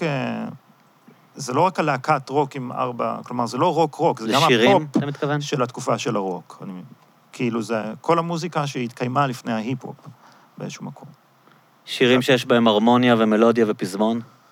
אה, לא, בתור דבר מרכזי. שיש בהם, כן, הרמוניה ומלודיה ופזמון. כי, כי באמת, אה, בז'אנרים שקורים, נגיד בהיפ-הופ ואלקטרוניקה, אז הצעירים, אתה לא מעניין אותם כאילו מה היה לפני. אתה מדבר היום נגיד עם ילדים, אתה יודע, הם צוחקים על M&M. כאילו מבחינתם, מבחינתם אה, הרבה מהדברים, כאילו, מנגיד תחילת שנות האלפיים, זה מוזיקה של זקנים, משעממת, אתה יודע, מעניין אותם ממש מה שיוצא עכשיו, וזה העניין שלהם. ואני חושב שגם באלקטרוני זה אולי קצת ככה, כאילו, בהיפ-הופ זה בטוח ככה. אה, גם כאילו, בהיפ-הופ אה, העשור הקודם, כאילו עכשיו, זה די מטורף. כלומר, זה מגמד את מה שהיה לפני כן. פתאום התחילו לעשות אלבומים טובים ודברים כאלה. לא שלא היו לפני כן, אבל זה היה נדיר, ועכשיו זה דבר, כאילו, זה... אז לא, אמינם זה קצת פרימיטיבי באמת. כן. בטח מתי שהוא יהיה לזה רטרו, אבל במוזיקה אלקטרונית כבר יש הרבה רטרו, יש הרבה דברים שנשמעים כמו פעם. טוב, מזגנו לנו קצת וויסקי. אמ, אבל רציתי באמת קצת כזה, נסחפנו עם ה... עם השיחה, היה לי, היה לי הרגשה כאילו ש... שיש לך כאילו איזה שהם... אה, שהנושא הזה של זיכרון באופן כללי, כאילו, זה משהו שמעסיק אותך, ש... כאילו, בספר כל הזמן הרגשתי ש... שהקסטה היא באמת איזשהו סמל כזה ל... לא יודע מה, ל... להתייחס ל... איפה אתה מול, לא יודע מה, מול הבן אדם שהיית, איפה אתה מוצא את עצמך מול, ה... מול העולם שמת. זה, זה נושאים שאתה חושב עליהם הרבה, שהם כאילו מעסיקים אותך ב, ביצירה שלך? אה, יותר ויותר, כן. אני לא יודע אם אה, ב, ביצירה, גם ביצירה, כן, אבל... אה, כאילו אתה מסתובב שם בספר, יש הרגשה כזה שאנשים לא מבינים, כאילו, מה, מה אתה רוצה מהם. כאילו שהם כזה, לפחות ככה אתה מתאר את זה. שאתה נשאר כזה, מנסה לדוג את הדברים מהעבר, והם אנשים כזה, הרבה מהם כזה המשיכו עם החיים שלהם, ומסתכלים עליך כזה ו... אה, אני באיזשהו מקום אה, לא מאוד המשכתי, כי גם אה, אין לי ילדים, אז אה, זה Mhm. קצת, אה, כאילו, אה, יש לי את אותה בת זוג 20 שנה, ואנחנו עדיין אה, ילדים מהרבה מאוד בחינות. כאילו, שום דבר לא השתנה ב-20 שנה האחרונות. המציאות רק השתנתה מסביב. אה, אבל אה, כן, זה, זה נחמד כאילו שאין לי איזה צאצא רועש ואני יכול לחשוב על אה, זיכ- זיכרון והערך של זיכרון במקום. זה... מי- מישהו צריך לעשות את זה. אמ, גיל מעסיק אותך? כאילו, אה. גיל מעסיק אותי מאוד, זה בעיקר אה, ברמה של אה, כמה זמן נשאר לי, כמה עוד אה, פרויקטים אני אצליח אה, לעשות בזמן הזה, כמה זמן אני אצטרך לבזבז על עבודה על דברים אחרים. אה, יש עכשיו אה, כל מיני מחשבות שאולי נעבור לחיפה. אה, מאוד מעסיק אותי, אני גר ליד התחנה המרכזית החדשה, וזה מאוד מאוד מעסיק אותי לטוב ולרע, כי זה מקום מאוד מעניין. ספר לי על זה קצת. בדיוק היום נתבשרנו ששרת התחבורה החליטה לפנות אותה סוף סוף. אני לא יודע אם היא, אם היא תצליח לעשות את זה ומה יקרה עם זה, אבל לפחות היא הצהירה ש... שהיא מתכוונת אה, לסגור את התחנה. אה, אני לא בטוח, אה, כלומר, זה בטח יעבור בבת אחת ברגע שיסגרו את זה, את התחנה ל- למקום ש... שהוא רק לעשירים מאוד מהר, כאילו, זה... כרגע זה המקום, נגיד, הרחוב שאני גר בו, שזה לא נווה שאנן ולא שפירא, זה איפשהו באמצע, וזה הבלוק של? התחנה המרכזית החדשה, מנשה בן ישראל. אמ, זה התחנה הראשונה של... זה הלילה הראשון שלך בתור הומלס, אתה מבלה מנשה בן. ישראל היה קראי, נכון? זה מנשה בן ישראל, הוא היה מנהיג הקראים? אני חושב. אה, הוא היה דפס? אז כן. אני מבלבל. אוקיי. הוא, אני הוא, אני חושב שהוא הראשון שהדפיס בעברית, או משהו כזה, אה, אחרי... אוקיי, זה מבלבל עם דמות אחרת לגמרי. אוקיי. אה, לקח לי הרבה זמן לזכור את השם של הרחוב הזה, כאילו גרתי איזה שבוע במנשה בן ישראל, וכל פעם הייתי שוכח את השם. אה, בכל מקרה, זה כאילו הנקודה הראשונה ש... נגיד אם אתה אישה בת 50 שאיבדה את הבית שלה, אז אתה מבלה את הלילה הראשון שלך מתחת לבית שלי. שם ההומלסים זורקים את עצמם כשהם נזרקים? כאילו הם... כן, כי זה לא נווה שאנן, זה לא כזה שיא מפחיד, אבל זה עדיין מספיק קרוב, שאתה יודע שמותר לך להיות שם, ואתה לא הומלס הומלסים שם. כי מה? כי, כי מניחים להם שם? כי, כי אם הם יהיו במרכז העיר, יבטאו אותם, אז הם...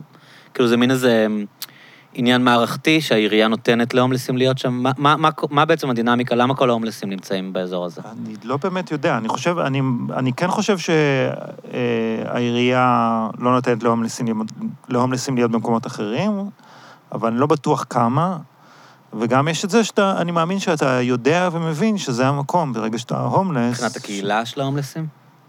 כן, מבחינת אה, קהילה ומבחינת... אה, אה, אני חושב שאתה מאוד מתייחס לסביבה כשאתה הומלס. אתה לא רוצה אה, להיות הומלס ברחוב שבו לא רוצים הומלס. מהמם. אה, ו... ואתה יודע ששם יש, אז אתה, אתה שם. אתה, אתה לא רוצה להיות במקום נחמד, כאילו, לא שאכפת לך אולי, לא אכפת לך לבאס אנשים, אבל אתה לא רוצה להיות חריג ולבלוט, ובמצב שאתה מוחלש. אה, אז אתה מגיע לשם, כנראה. אני, אני לא... למזלי, לא, לא קרה לי. כן. אה, אז יש הומלסים בארץ, כן. אומרים שהייתה עלייה מטורפת, כאילו, במיוחד בשנה האחרונה. אני מרגיש את זה שאני מסתובב בתל אביב שיש יותר. אולי זה סתם אני פיתחתי יותר רגישות, אבל נראה לי מדברים על זה, שכמות ה... נכון היום להגיד דרי רחוב, אני חושב. אה, דרי רחוב. ש... שכמות דרי הרחוב בתל אביב עלתה משמעותית, כאילו, ב- בשנים האחרונות. אתה, אתה רואה את זה? כן, אני כאילו רואה שמאז הקורונה יש איזה, אנחנו, גר- יש גינה בינינו לבין הבלוק, וזה הפך, זה הפך להיות גינה של הומלסים, וזה קרה בקורונה, אה, לא היה לפני כן. ואני אני לא גר שם הרבה זמן בשביל אה, להרגיש שדברים אה, השתנו או התגברו, אבל זה, זה רק טבעי, כלומר, זה לא... אה, זה, זה, זה ממש טבעי לגמרי שזה קורה. שמה לא. התהליך להבנתך? כאילו, למה הקורונה גרמה לזה שיהיו יותר הומלסים? משפחות התפרקו, אנשים איבדו את העבודה. אנשים איבדו את העבודה, אין פה באמת רש, רשתות אה, ביטחון. אה, מסתבר שכל העניין הזה של העלייה של המחירים של הדירות זה בגלל שאין מספיק דירות. אין מספיק דירות, המשמעות של זה הומלסים. אה, אז יש הומלסים. ולכם זה לא, לא מפריע לך לגור באזור כזה? לי כאילו היה קשה בתקופות שגרתי, נגיד, באזורים במרכז העיר שכזה משיקים לדרום, פתאום הייתי רואה איזה, לא יודע מה, הומלס ישן לי בחדר מדרגות, זה, זה היה לי מאוד לא נעים, כאילו. זה יותר מותאם, אה, כאילו, אה, לא יכול להיכנס הומלס לחדר מדרגות שלנו. Mm. אה, ובאופן כללי גם זה לא מאוד מאיים, כאילו ה-nice guy אה, על גורותיו זה באמת בעיה, זה ממש מסוכן וזה לא נעים. אה, אבל הומלסים לא. אני לא יודע כמה דבר קשור בדבר, כן? אני... אבל נייס גאי זה, זה, זה חרא רציני, כאילו, יש לזה גם כל הזמן גרסאות עדכון כאלה, ו... והם קונים את זה בפיצוציות פשוט? יש, לא, יש תחנות. אוקיי. יש תחנות ברחוב, ויש גם הומלס שעובר, אה, הומלס. אה, יש סוחר שעובר עם טיולית פעם ביום ברחוב, ואתה יודע שזהו כמו אוטוגלידה, ואתה יכול לקנות ממנו. ופעם בכמה זמן זה משתנה. ואז כולם, ההתנהגות שלהם משתנה בבת אחת. כל הרחוב. עוברים לחומר החדש, כאילו? עוברים זה החומר לחומר. החדש. כן. זה, אני לא יודע אם זה החומר שיש, אולי יש מתחרים, אני לא יודע, אבל יש לך, פתאום כולם ישנים. אז בתל אביב אין כל כך הרואין? כאילו, יש כל מיני סמים סינתטיים כאלה, כמו, כמו הנייס גאי? אני לא באמת יודע, אבל אה, הרואין זה דבר שאתה בטח יכול לעשות בבית או בחצר אחורית, בזמן שנייס גאי זה כאילו משהו יותר... זה קורה. אתה רואה את זה, זה קורה ברחוב, כל זה. יכול להיות גם שזה יותר זול מהרואין. אז, אבל זה, יכול להיות לך, נגיד, אה, קטע שאתה יוצא החוצה מהבית, וכולם בוכים ברחוב.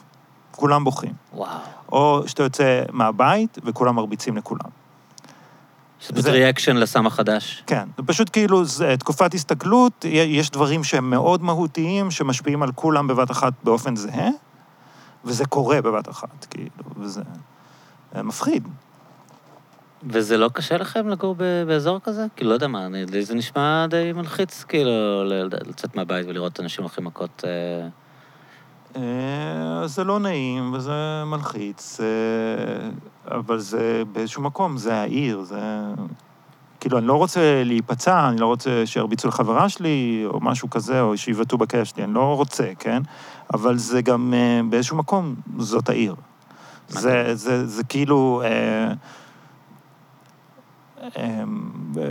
תל אביב, היא, היא כל הזמן נראית לך מאוד מאוד הומוגנית. מהמם.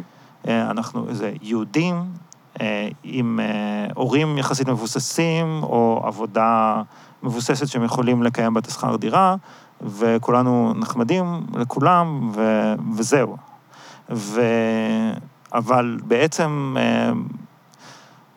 יש הרבה יותר, כלומר, גם, גם כשאתה הולך לעיר אחרת, אה, שאתה תופס בתור עיר ולא בתור קיבוץ, אז אה, יש הרבה הרבה יותר מרכיבים, וזה מתקיים שם.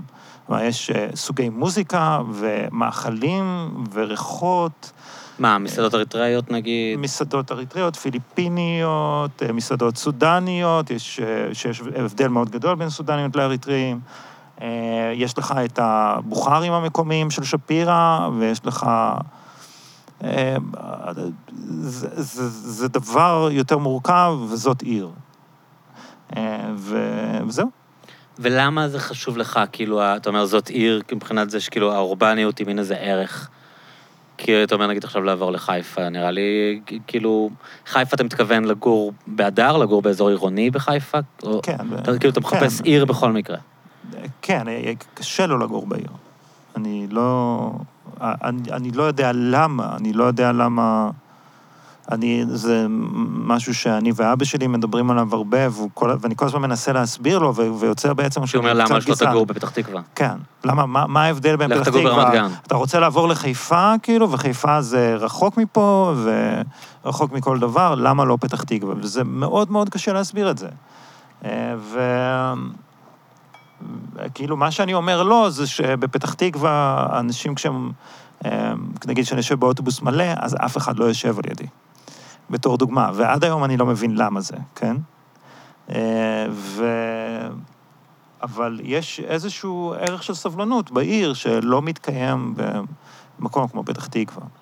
אני לא יודע כמה זה חשוב, אולי זה לא דבר חשוב, אולי זה מופשט ולא משמעותי, אבל... אה, אבל לא יודע. אז אתה, אז אתה כאילו מבחינתך לסגור את התחנה המרכזית זה לא מגמה טובה, כי סתם תהיה שם ג'נטריפיקציה וזה יהפוך להיות אה, עוד שכונה יאפית ב, ב, בתל אביב? לא, זה דבר טוב. זה דבר טוב, כי זה חרא. פשוט תחנה המרכזית הזאת זה חרא, אבל uh, שכונת התקווה עומדת לסבול קשה מזה. כי... כי כולם יעברו לשם? כי כולם יעברו לשם, כן. וכל uh, הדבר הזה נעשה באופן uh, מניפולטיבי, עם המון המון שקרים, ובסופו של דבר האנשים הרעים, נקרא לזה ככה, קיבלו פרס על זה שהם היו חארות. כי הסיפור זה שבעצם uh, זה שייך לקובי מימון, כן. נכון? והוא כאילו בכוונה מזניח את הבניין כדי שיסגרו את זה, כי זה בעצם... לא. זה אוצר נדל"ני מטורף, ובעצם...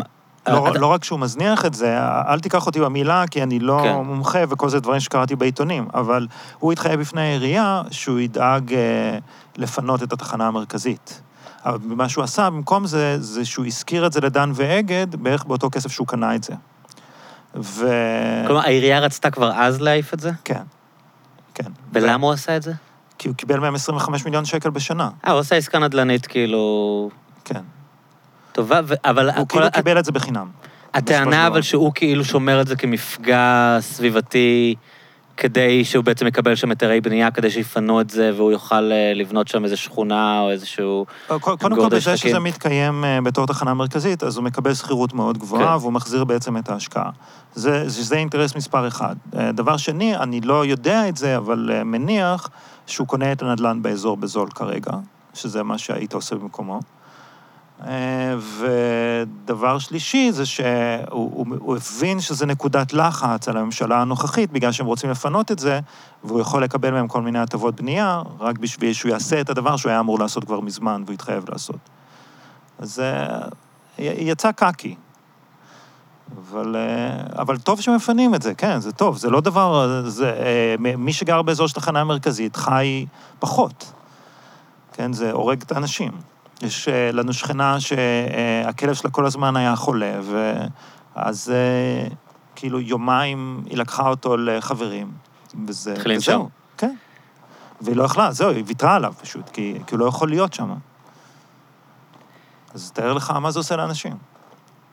מעניין, כאילו, העניין מה שאמרת, שכאילו, זה לא נראה שהם אה, מתכננים איזשהו, במקביל פתרון להומלסים. כאילו, זה מין כזה, אוקיי, בוא נעיף אותם למקום אחר.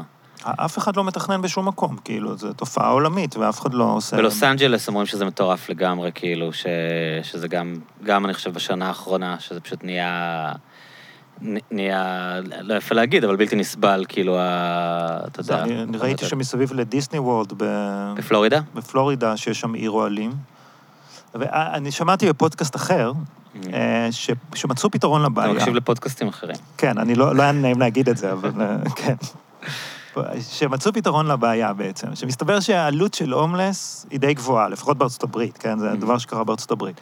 אה, בגלל שהאשפוזים בסופו של דבר משלמים את זה, אתה יודע, זה יוצא כן מהציבור, וכל הנזקים שנגרמים, ושהרבה הרבה יותר זול פשוט להשכיר להם דירות. ש- ו- ו- ולפתור את הבעיה.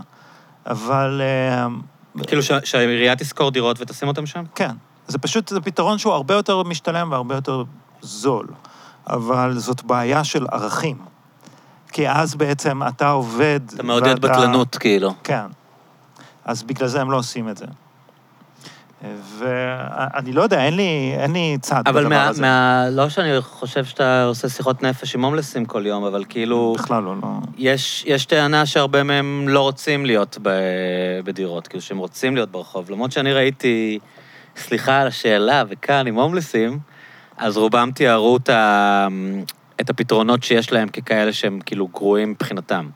שכזה, הם לא יכולים לצאת משעה מסוימת בלילה, כאילו זה לא באמת אה, איזה מקום, כאילו בגלל, ש... בגלל שהיחס כלפיהם הוא מאוד חשדני, ואומרים, אוקיי, אנחנו הולכים להביא את הנרקומנים האלה לישון כאן, אז מלכתחילה הם מגיעים למקום שיש בו מלא מגבלות ו... וקשה להם עם זה, אז בגלל זה הם כאילו כבר מעדיפים לישון ברחוב מאשר באיזה הוסטל שאולי בנו להם, כאילו.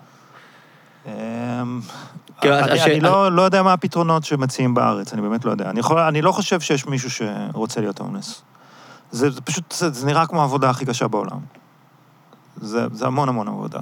כי הם לא מסתובבים כל היום. כדי להשיג שקל ושקל ושקל? גם, כן. גם, גם כאילו הקטע של לה, להשיג את השקל הזה, אבל גם כאילו זה שאתה לא יכול לישון טוב, אה, ואתה צריך אה, להיות ערני גם כשאתה ישן, ש, אה, שהדברים שיש לך כי הם יישארו אצלך. גונבים אחד מהשני כל הזמן, אתה לא לא יכולים... לא, לא בהכרח שהומלסים יגנבו מהומלסים, אני, ועוד פעם, אני לא, אני לא מבין בזה הרבה יותר ממך, אני רק כן. רואה יותר הומלסים או משהו כזה, אבל אה, זה לא נראה קל, זה, לא, זה נראה כמו פול טיים ג'וב רציני, כאילו, וכולם נראים כמו סמרטוטים. אבל מבחינתך זה משהו שמאפשר לך לגור בעיר בזול עדיין? כאילו, כשאתה אומר, אה, כאילו, נראה לי משם הגענו לזה. זה וזה שיש לי בעל בית נחמד, אז, אה, אז זה מאפשר... ממה אתה אה, מתפרנס? ממה אתה עובד? בעיקר אנימציה. אני עושה, כלומר, לא סרטי אנימציה מלאים, בדרך כלל סיקוונסים של אנימציה בסרטים של אנשים אחרים ודברים כאלה. שזה נחמד, ואני אוהב את זה ואני טוב בזה. אה, והבת זוג שלי עובדת בתור גננת, בתור מה? גננת Mm. בשפירא. אה, ו- ומסתדרים, אבל אה, אולי בחיפה נסתדר יותר טוב. כל ה... איך, איך אתה רואה את, ה... את העלייה, כאילו, ב... אתה יודע, בהגעה של, אה, של אפריקאים לשכונה? כי אתה יודע, יש את כל הפעילי... פעילי דרום תל אביב, כמו שהם קוראים לעצמם, אה, אתה יודע, אה, איך קוראים לה? אה, לא. שפי פז וכל החרא הזה, כאילו, שהם מתייחסים לזה בתור איזה משהו כאילו מאוד אה, מסוכן, וזה, איך, איך אתה כאילו חווה את לא, השכונה? זה לא... אני לא חושב שזה אנשים רציניים, את האמת. השפי פז וכל אלה, זה כאילו, זה סוג של פיקציה לאומנית. אני לא רואה מישהו מהשכונה ש... שחושב כמוהם. כאילו, שאני מכיר, או... אה, אבל...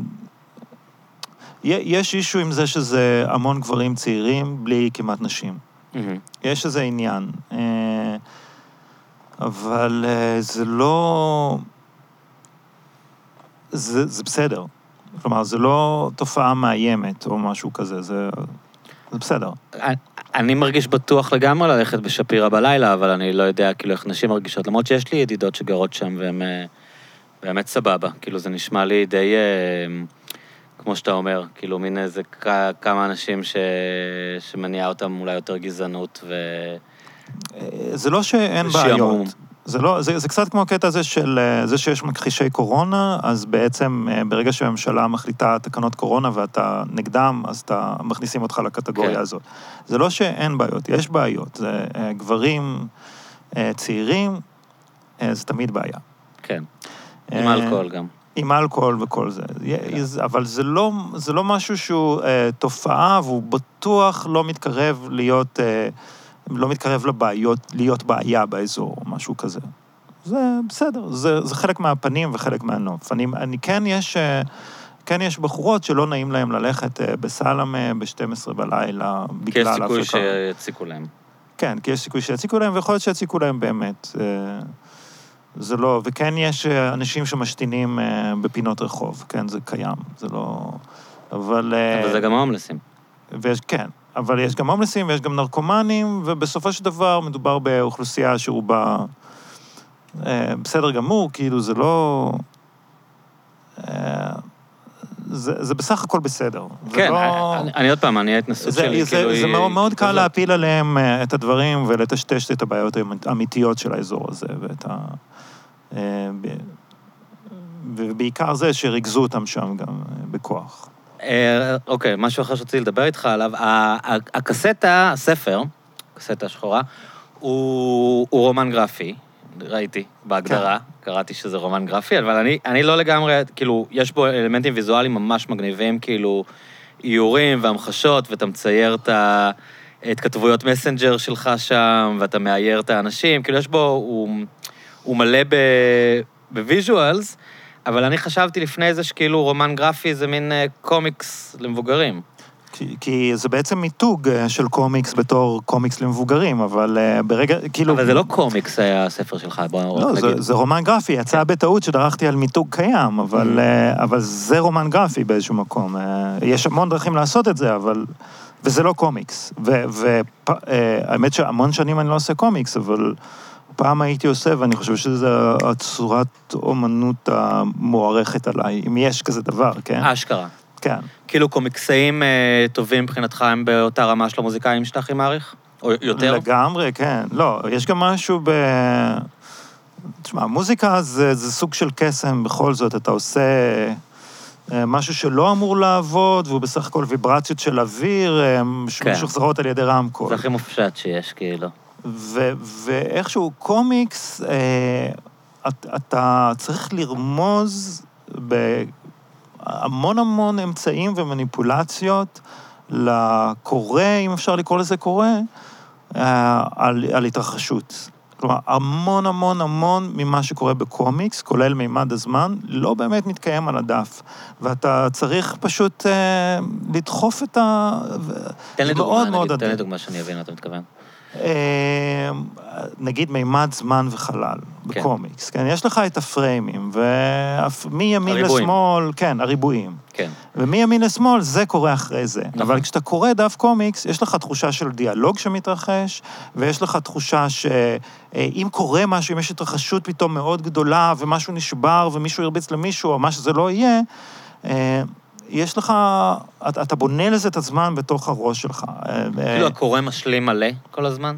המון. כאילו, מה שקורה, קורה בין הפריימים בעצם. ויש, עד לרמה כן, נגיד כזאת... סתם, אני נגיד אפשיט את זה. כאילו, אתה רואה שני אנשים רבים, באים לריב, ואז אתה רואה נגיד מישהו שרוע על הרצפה, ואתה צריך אה, להש- להשלים מה קרה ביניהם, נגיד. כן, אם אתה קומיקסאי טוב, אתה- ואתה לא תראה את האגרוף, אתה תראה את הלפני ואתה תראה את האחרי. כי אתה רוצה לתת את האימפקט לקורא לעשות בעצמו. מעניין, כי אני תמיד חשבתי על זה בתור כאילו אמ, ז'אנר אה, שאתה פחות מפעיל בו את הדמיון מבספרות. כי בספרות אתה לא רואה כלום, ופה כאילו, it's in your face הכל, אבל אתה אומר בעצם עדיין יש כן. כאן מלא מקום לד... תשמע, גם בקולנוע יש מקום לדמיון, כאילו, למרות שאולי פחות מבכל מדיום אחר, אבל, אבל אתה אומר כאילו איפשהו הקורא הוא אקטיבי כשהוא, כשהוא קורא אה, קומיקס. בקולנוע יש את המקרה של אליאן של רידלי סקוט, שלא רואים אותו כל בראשון. הסרט, כן, שזה כאילו הקטע. אז כן. בקומיקס, שזה גם הרבה כשאתה יותר עושה... מפחיד מאשר בשני שאתה כן רואה אותו. כן, כאילו, לגמרי. ה- המפל- המפלצת שאתה לא רואה היא הכי מפחידה. זה זה, כן? אבל בקומיקס זה, זה, אתה מוכרח לתפקד עם המפלצת הזאת כל הזמן, גם כשזה מערכת יחסים בין, בין בני זוג, כאילו. זה לא דבר שאתה רואה. זה דבר שאתה כאילו רואה, זה דבר שאתה... כאילו נותנים לך רמיזות כל הזמן, נותנים לך סימנים. מנ- מנסים ש... אה, כאילו, מנ- מנסים שאתה תעשה את זה בעצמך. זה כן קרוב, יש משהו בספרות שזה גם, כמובן גם עובד ככה, כן? כמו שילדים אומרים, אה, ספר זה כמו סרט שמתנגן לך בראש. כן. כן, אז, אז, אז כן, יה- יש את זה, אבל אה, ב- זו צורה אחרת, אה, ובזמן שספרים זה דבר שכתבו מימי אה, גילגמש, אז קומיקס זה דבר יחסית חדש, יש לך המון המון מקום להתבטא ולהמציא בו דברים כל הזמן. אה, ובשביל להיות קומיקסי אתה צריך לדעת הרבה דברים שונים, זה. זה לא מפתיע אותך, כנראה שלא, אבל נגיד, אותי זה קצת מפתיע שכאילו קומיקס עדיין זה כזה דבר בעולם שיש בו כל כך הרבה אנימציה. כאילו, אני מבין, נגיד, בתקופה שאנימציה הייתה נורא יקרה והיה מעט אנימציה, ואז, אוקיי, יש לך קומיקס בינתיים, תדמיין את זה, אבל, אבל כאילו היום כש... בטמן, אוקיי? אז יש לך כאלה סרטי, סרטי אנימציה מטורפים של בטמן כל הזמן באיכות כל כך גבוהה, ואנשים עדיין כאילו מאוד בעניין של החוברות. כאילו, שאני אומר, למישהו שלא בעניין כמוני, אני אומר כאילו, אוקיי, מה אתה צריך את זה? בוא תראה כבר את את הסרט וזהו. אני באמת לא יודע לגבי בטמן, אה, כלומר, הספציפית זה לא, זה לא דבר שאני קורא, כן? כן. זה קצת... אבל אה, זה כן, אה, בכל זאת הבן אדם שעשה את בטמן, את הקומיקס, אז הוא בן אדם אחד, והוא יכול לייצר אה, רצו, אה, חזון רציף, שזה דבר שמאוד מאוד חסר בקולנוע. כמו איזה. סינגר סונגרייטר שכותב, מקליט אלבום כן, או, לבד. או מישהו שעושה lo-fi בבית, או משהו צייר. כזה. כן. Mhm. זה לא, זה לא, אתה לא צריך, אה, נגיד אה, היום, כשעושים את אליאן, או כשעושים את בטמן, או משהו כזה, ואתה כן רואה את הכל בפרצוף, ואתה צריך לראות כל הזמן, כי ככה זה, אז יש לך אנשי special effects, עובדים בבית, בכל העולם, בצורה מאוד מאוד מסודרת והיררכית. כאילו, uh, בדירה שעל יד הדירה שלך יושב מישהו והוא עושה את הרינדורים של השיער של וולברין, משהו כזה, כן? כן. והאופן uh, שבו זה נעשה הוא זה שיש שיטה, וזה... פרוטוקול. פרוטוקול, כן. ויש דרך אחת לדברים לקרות. ואין בעצם חזון אישי. כלומר, אה, רק בסרטים עצמאיים מאוד מאוד מאוד קטנים, יש לך חזון, חזון ויזואלי אישי. ובקומיקס אתה יכול לייצר את זה. בן אדם אחד יכול גם לכתוב, בבטמן זה לא ככה, אבל בן אדם אחד יכול גם לכתוב וגם לצייר, ובעצם להגיע למשהו שיש לו אה, אימפקט של עניים, כמו שקוראים לזה. כן. כאילו זה... וזה חשוב בעולם שלנו. אבל הקומיקס שאתה מעריץ זה לא סופר הירוז? זה, זה כל מיני דברים... לא, אה, זה דברים יותר עצמאיים. האמת שבשנים האחרונות אני באמת לא קורא כל כך הרבה קומיקס, אבל אה, זה דברים עצמאיים, כלומר, אנשים מה נגיד עושים- הדברים שאני חייב להכיר? וואו, איך שאלת אותי פה. למה? זה נשמע לי שזה שאלה קלה. אני יכול להמליץ על כמה דברים שהם פשוט... אני חושב שאתה אומר לי מאוס, לא יודע, אני לא מבין בזה, לא, כאילו... מאוס מדהים.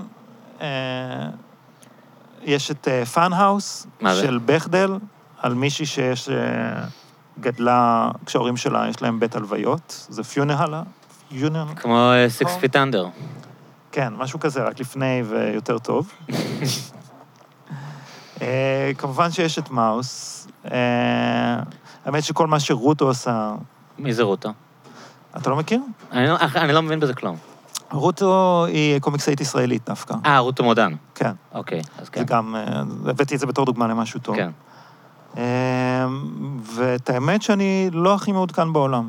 כאילו, יש לי את, ה, את הקומיקסים הישנים שלי שאני מוציא מדי פעם וקורא, אבל אה, אני, אין לי מושג מה עשו בעשור האחרון. ומה אתה חושב על סופר הירוז? אני חושב שזה לא נחוץ לעשות את זה בתור קומיקס. אה, יש שם משהו מעניין בצורת עבודה הזאת אה, של אה, המון המון אנשים שונים. זה קצת אולי מזכיר את האיליאדה ואודיסאה, במידה ולא נכתבו על ידי בן אדם אחד. שיש אה, המון המון אה, סופרים ו- ו- וציירים שכותבים את אותה דמות, וזה במהלך עשרות שנים מצטבר, כאילו בטמן זה מין משהו שקיים מאז שנות ה-20 או ה-30, בשנות ה-40. 40, סליחה, סופרמן קצת לפני, נכון? סופרמן ממש כמה שנים לפני, אבל גם שנות ה-40. וכאילו כל בן אדם שעשה, כל פעם מישהו אחר עשה את אה, בטמן והוסיף איזה אלמנט שנכנס לתוך המכלול כן. הזה שהוא בטמן. כאילו נגיד מישהו אחד המציא את הג'וקר באיזה, לא יודע מה. ב-60's, ועכשיו היוצרים שיוצרים אחריו, כאילו זה נבנה במין איזה, כמו פולק פרוסס, במוזיקה הרבה פעמים מדברים על, על הפולק זה, פרוסס. זה בדיוק זה, רק שיש ניהול מלמעלה, ומי שלמטה לא מקבל כסף. לא, אבל אה, אם אתה לוקח את בטמן, אז אה, נגיד הוא התחיל בתור בלש בכלל. נכון. זה, שזה, וזה, זה אין לזה שום זכר זה היה עכשיו. הכינוי שלו, נכון? The the greatest... אה, כן, משהו, הבלש הגדול. בעולם, זה היה, זה היה כאילו הטגליין של בטמן. משהו כזה, לא נשאר מזה כלום, כן? מי, כאילו, אה, הסרט של טים ברטון והלאה, אין שום זכר לבלש, כן? הוא לא מפצח כלום. דבר, כן. הוא לא פותר שום תעלומה. ובקומיקס, אגב, זה עדיין מתקיים, כי יש להם איזה מין אה, מחויבות כזאת. כן. נגיד, אנשים לא יודעים, אני נגיד חבר שלי שהוא, שהוא מאוד רציני בעניין של קומיקס, אמר לי, אתה יודע שבטמן הוא הבן אדם הכי חכם בעולם. ואני כזה, אה. וואלה, אחי, ראיתי איזה 100 סרטים של בטמן, אני לא, לא התרשמתי מהאינטליגנציה שלו בשום רמה. אבל הוא אמר לי, לא, בטמן הוא האיש הכי חכם בעולם. אז כן, זה כי, כי הוא לא סופר הירו, הוא לא כאילו, אין לו כוחות על באמת, הוא כאילו בן אדם. כן. מסתובב, אה, בסדר, נו, מה אני אגיד? אבל, אבל אתה, אז אוקיי, אז אין לך חיבור לדבר, כאילו, מה- מה ההרגשה? שלך בתור בן אדם שבא מקומיקס, נגיד כשאתה רואה את ההתפוצצות הזאת של מארוול, אני- ואיך כאילו אני- משהו שבא מקומיקס השתלט על העולם ככה? אני מאוד אה, מבוגר בשביל אה, לאהוב קומיקס. סרטים כאילו, אז, לילדים, אה? אה, כן, אז גם אז מארוול מאוד משעמם אותי. כאילו, יש כמה סרטים אה, ממש טובים, כאילו Gardens of the Galaxy ממש טוב, נגיד. אבל אה, לא גדלתי על זה. כאילו, כן. בגלל זה אני מבוגר, אני לא גדלתי על זה, אבל זה מה לא היה אומר לי כלום. כשהיית, סתם אתה אישית לא קראת. כאילו, היה לא. ספיידרמן כשהיית ילד. היה בחנות בתל אביב, באנגלית, שאז לא בדיוק ידעתי לקרוא, וזה, זה, וזה, ואז כאילו לא הייתי קונה ספיידרמן, הייתי קונה את הדברים שנראים יותר גרוטסקיים, ואז אז, אז לא ממש, לא... היה ב Middle East Television, היה אה, ס- את בטמן. הסדרה של ספיידרמן דווקא. גם היה בטמן, היה בטמן? את האדם ווסט עם ה bang. זה היה ב Middle East Television? אני חושב, הכל היה ב Middle East Television. מקגייבר גם היה... לא. לא, אבל- זה היה טלוויזיה אמיתית, מה שקוראים. כן, אוקיי. היה- אגב, היה לי גם כבלים פיראטיים, יש איזה חבר שהעלה את זה עכשיו. שזה הדבר מדהים, אה? הדבר הכי מדהים וידאו? בעולם, ככה צריך לגדל ילדים. עם רנדומלי מתוך מדפי ספריית וידאו, זהו. כן, יש לי חבר שאני לא אחשוף אותו כאן, לא יודע אם הוא יסכים, אבל שלאבא שלו היה תחנה כזאת. נראה לי שאתה מכיר אותו. אבל אה, הוא זה היה... זה. היה, היה... אבא שלו הפעיל תחנה כזאת, היה להם כבלים מהבית, והוא פשוט היה מביא קלטות וידאו מספריית וידאו, היה לו מנוי ספריית וידאו, שם את הקסטות. ואנשים היו רואים כאילו. אני הייתי עושה את התוכניה. היה לי מחשב והייתי. עושה את התוכניה. של הכבלים הפיראטיים? כן, היינו... עם איורים? עם... אה, כזה, היה מין אה, תוכנה שקראו לה קואלה, למחשב אתרי אה, 800. הצעירים לא- צעירים בכלל לא יודעים שזה היה קיים. כאילו, מה שהיה קורה זה שבן אדם היה בא, פורס כבלים בשכונה, פשוט מחבר כבלים בלי לשאול אף אחד על העמודי חשמל. אתה מכיר את זה, אילון, בכלל? אתה יודע שהיה כבלים פיראטיים פעם? אתה לא שמעת אה, על זה לא, בחיים שלך? לא- לא, לא, אני אומר לך, זה לא דבר שאנשים יודעים. אוקיי, אז אני לא- אגיד לטובת? מאזיננו הצעירים. אה, נכון, בחולה עבר בשיקול ג' זה מה שקורה. כן. אוקיי, אז יש בן אדם שיש לו כבלים כאלה של וידאו של פעם, לא HDMI, מה היה אז? לא יודע. VHS. VHS, והוא מהבית שלו, יש לו מכשיר וידאו, literally מכשיר וידאו, VHS, שמחובר לכבלים, ומנוי לספריית וידאו, כמובן. ויש לו גם מנוי לספריית וידאו, והוא הוא תולה על התשתית של עמודי חשמל כבלים שלו לכל השכונה, זה היה לוקאלי. זה לא היה איזה משהו, כאילו, לא היה כבלים פיראטיים של ישראל. אם, אם היה לך מזל, אז בשכונה שלך היה בן אדם כזה, והיית מתחבר, משלם לו כל חודש, הוא היה בא אליך הביתה, 50 לוקח את. הכסף, נגיד 50 שקל, והיה לך ערוץ, שכל היום רצים בו סרטים. וזה היה מתפשט עד עד הערוץ, הבא. עד הרשת אה, כן. כבלים פיראטיים הקרובה, האחרת, ואז הם היו נלחמים על ה... על הטריטוריה. הטריטוריה. כן. אילון בהלם, הוא לא מאמין לנו שזה היה דבר אמיתי. אבל אני זוכר, ההורים שלי לא הסכימו להתחבר, הם היו אנשים מוסריים כאלה. אבל היה איזה שבועיים שגם בשכונה שלי היה דבר כזה. זה היה מדהים, זה היה הרבה יותר טוב מכל דבר אחר. מה שקרה זה שחשבנו למתוח את הבן אדם מה- מהכבלים, ואז אני הכנתי תוכניית, אני אני ואחי, הכנו רגע, אז תוכניית הוא- איך דמי. איך הוא ניגש אליך? והוא לא היה, הם- הם לא היו עבריינים כבדים, הם היו סתם הסלרים כאלה. לא, אבל הם כן היו. צריכים לדע, אה, איכשהו להתמודד עם לא זה להתעסק שיש עם מישהו אחר. העבריינים האמיתיים. כן. אה, בקיצור, עשינו מין אה, תוכניית דמי כזאתי, והזמנו אותו בזעם, ובתוכניה שעשינו הכל היה פורנו, ואבא שלי אמר לו, מה זה צריך להיות? אה, זה רגע, מה אבא שאתם שלך היה משדרים? במתיחה? כן. איזה מלך. ו- והוא נלחץ ו- והכל, ובסוף אה, כ- כשהבין שזה מתיחה, אז אה, הוא שכר אותנו. נתן לנו מחשב קומודור. אה, זה היה מין כזה טסט? הוא אמר לך, תכין לי- תכין לי תוכניה לא, לא? פשוט עשינו את זה בשביל למתוח אותו, כי אה, הבנו כאילו שאנחנו יכולים... קיבלנו את התוכניה הזאת, מה זה החרא הזה? כן, כאילו, מה- כן. מה הבאת לנו הביתה את התאווה הזאת, ואז הוא הגיע ו- כן. והבין שאתה בעצם אה, גרפיקאי ואז מעולה. שהוא הבין ואמר- שאנחנו יכולים לעשות לו את זה בחינם, בניגוד לזה שעושה לו את זה עד עכשיו. רגע, אה, עשית את זה בחינם? לא, עשינו את זה תמו- תמורת המנוי, והוא נתן לנו את המחשב אה, לעשות את זה. בפתח תקווה? העבודה הראשונה שלי, כן. ובאיזה שלב היה לו פרסומות לחנויות בפתח תקווה ודברים כאלה, זה זה נהיה דבר. מדהים.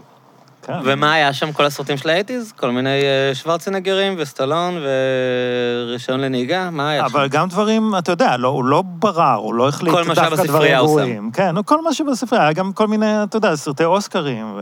באותה מידה יכולת לראות תנאים של חיבה. לגמרי, כן, כן, ככה אוקיי. ראיתי תנאים של חיבה. וגם היה את הסרט הזה, בגלל שכל דבר צריך להתחיל בשעה עגולה, אז היה את הסרט הזה שהוא אה. פילר, שאתה ראית רק את ההתחלה, ואף פעם לא ראית את ההמשך. האיים אבודים של ה- של הכבלים הפיראטיים. וואו, וואו. אבל זה דבר מטורף. זה, זה פשוט היה, כלומר, חוץ מזה שהיה דברים קיצוניים שעד היום אני חולם עליהם לא טוב בלילה, אז, אבל אה, זה היה כן. דבר מטורף. כן, זה מאוד רומנטי גם כשאתה חושב על זה, כאילו. כנראה שסבי גביזון קלט את זה. בחולה אהבה משיכון ג'. אה, במיוחד הטרנינג, אגב, זה היה קלה לגמרי, זה הטרנינג הזה. ועוד דבר שהיה זה תחנות רדיו פיראטיות, שזה גם היה דבר שכאילו אני פינטזתי, היה לי חלום בגיל 13-14, זה מעניין שבסוף כאילו אני עושה פודקאסט שזה 100% חוקי, אבל היה לי חלום שתהיה לי תחנת רדיו פיראטית, אה, שזה היה אנשים שהיה להם פשוט כאילו משדר כזה, כן, כמו ב Pump Up the Volume, רדיו חזק עם קריסטיאן סלייטר. אני לא לא הייתי מודע לזה. זה- אתה לא הכרת- לא הכרת רדיו פיראטי? לא, לא, אני ממש רדיו מתבאס. פיראטי היה אנשים שהיו קונים אה, פעם, אוקיי, רגע, אני כאן מרגיש הכי זקן שהרגשתי בחיים שלי. היה דבר שנקרא חובבי רדיו, נכון? אנשים שהיה להם מכשירי רדיו. כאילו AM כזה. כן, AM, שהם עובדים בתדרים שכאילו לא ברדיו המסחרי, ומדברים עם אנשים ממרחקים, מתקשרים איתם. אינטרנט של פעם כזה. כן, והיה אפשרות במכשירים האלה גם לגלוש לספקטרום של התדרים של הרדיו המסחרי.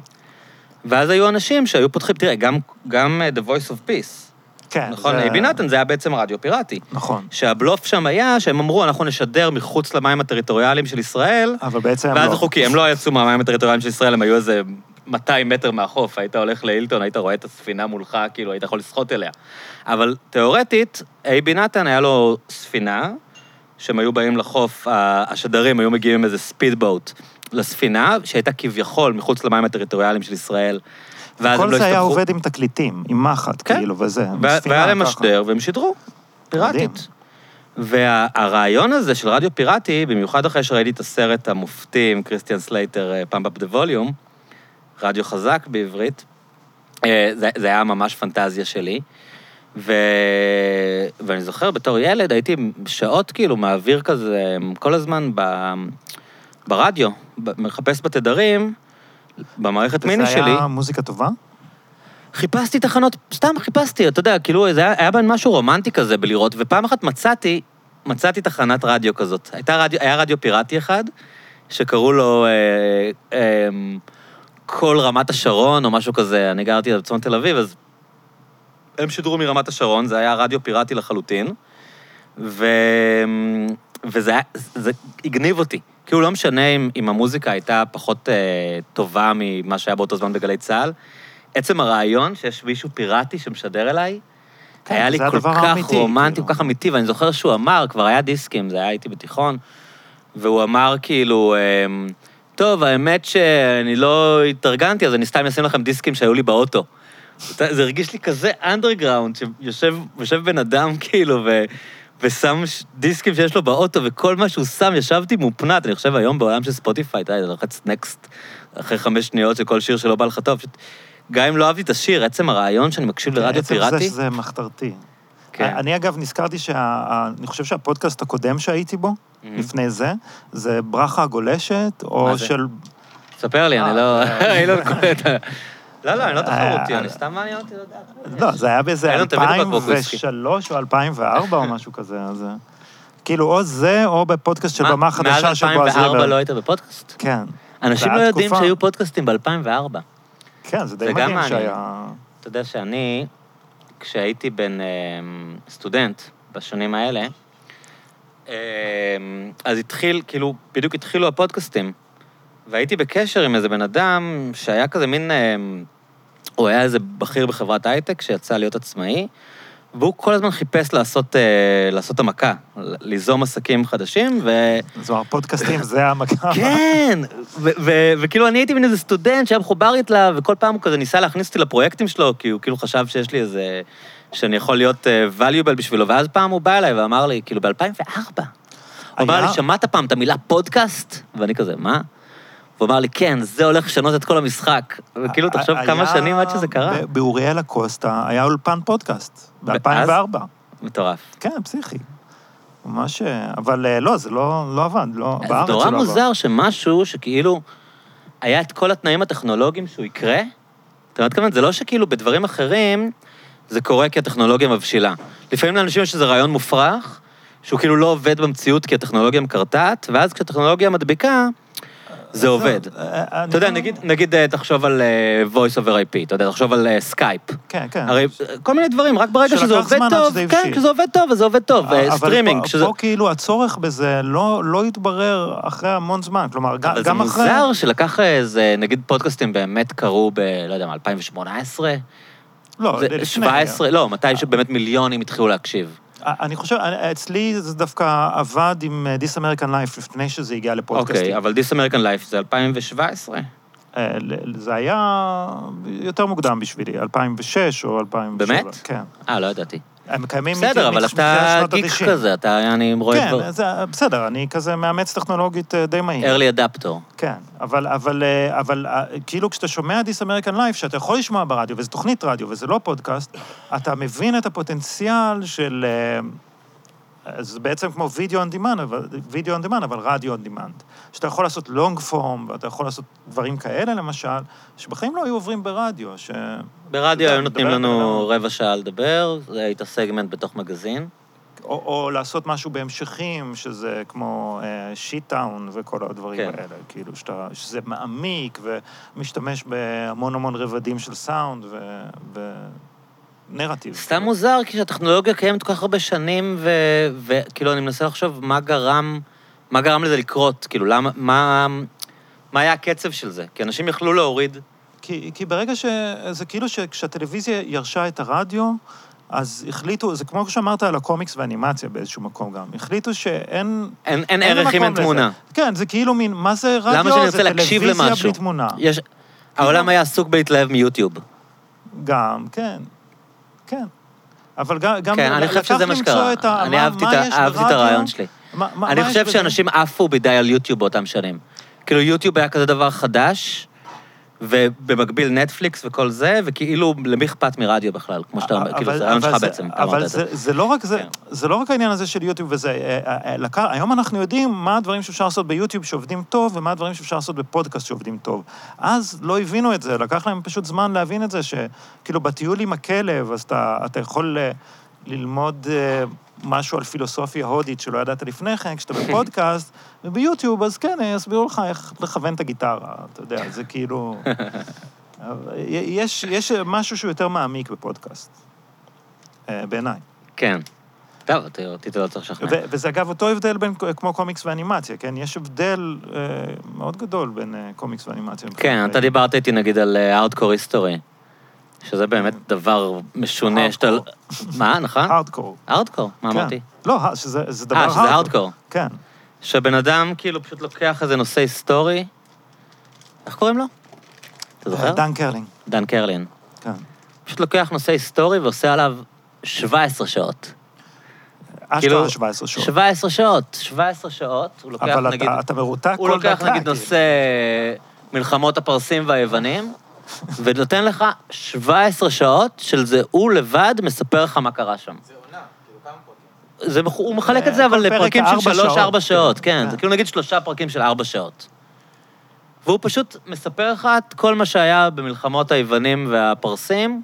כן, פרק- מלחמת זה פרק העולם שהקשבתי? הראשונה גם, זה טירוף, כן, יש לו פרק. הקשבתי, יו- יו- יוליוס אה. ומה? כן. יוליוס קיסר והגלים הקשבתי. אה, שזה כאילו ה- על- על ה- על המהפכה. הרומאית. וה- כן, כן, כן, כאילו, 17 שעות.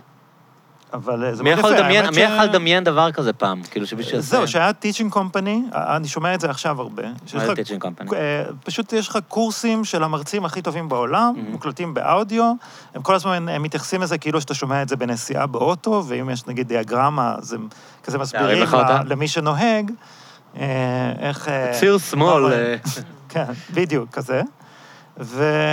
ואתה שומע על אליאדה והאודיסאה, אה, גם קורס באוניברסיטה, עם המרצה הכי טובה שיכולה להיות לדבר הזה. אבל אני חושב שגם שאנשים לא, אה, שכאילו, אנשים במדיה לא חשבו שאנשים רוצים ללמוד. נכון. אתה באמת, נראה לי שזה גם משהו שהשתנה. שאנשים לא חשבו שיעניין מישהו לשמוע בכלל על האליאדה והאודיסאה, או על, אה, על הפרסים והיוונים, כאילו... כן, במקום זה דן שילון הביא לך את כן. מאור כהן. בדיוק. כן. כן, נכון. כן. כאילו, היה מין, אמ, מין התייחסות לאנשים כמטומטמים, שהולכים להיות יותר מטומטמים ויותר מטומטמים ויותר מטומטמים, שזה אבל- מה שאתה רואה עד היום ב-12 ו-13, כאילו. ולא לא חשבו קהל. שאנשים ירצו לשמוע שלוש שעות שיחה על מדע, כאילו, שזה יעניין מישהו. כן, אני... כן. אני עדיין בשוק מזה שיש 12 ו-13, אבל בסדר, אני... זה מוזר, אה? מאוד מוזר, מאוד מאוד מוזר. אה, ו- וזה מעט, נכון? אני לא... לא הרייטינג אנשים- שלהם הולך ומידרדר ברמות שלא יאמנו, אילון מבסוט, תסתכל.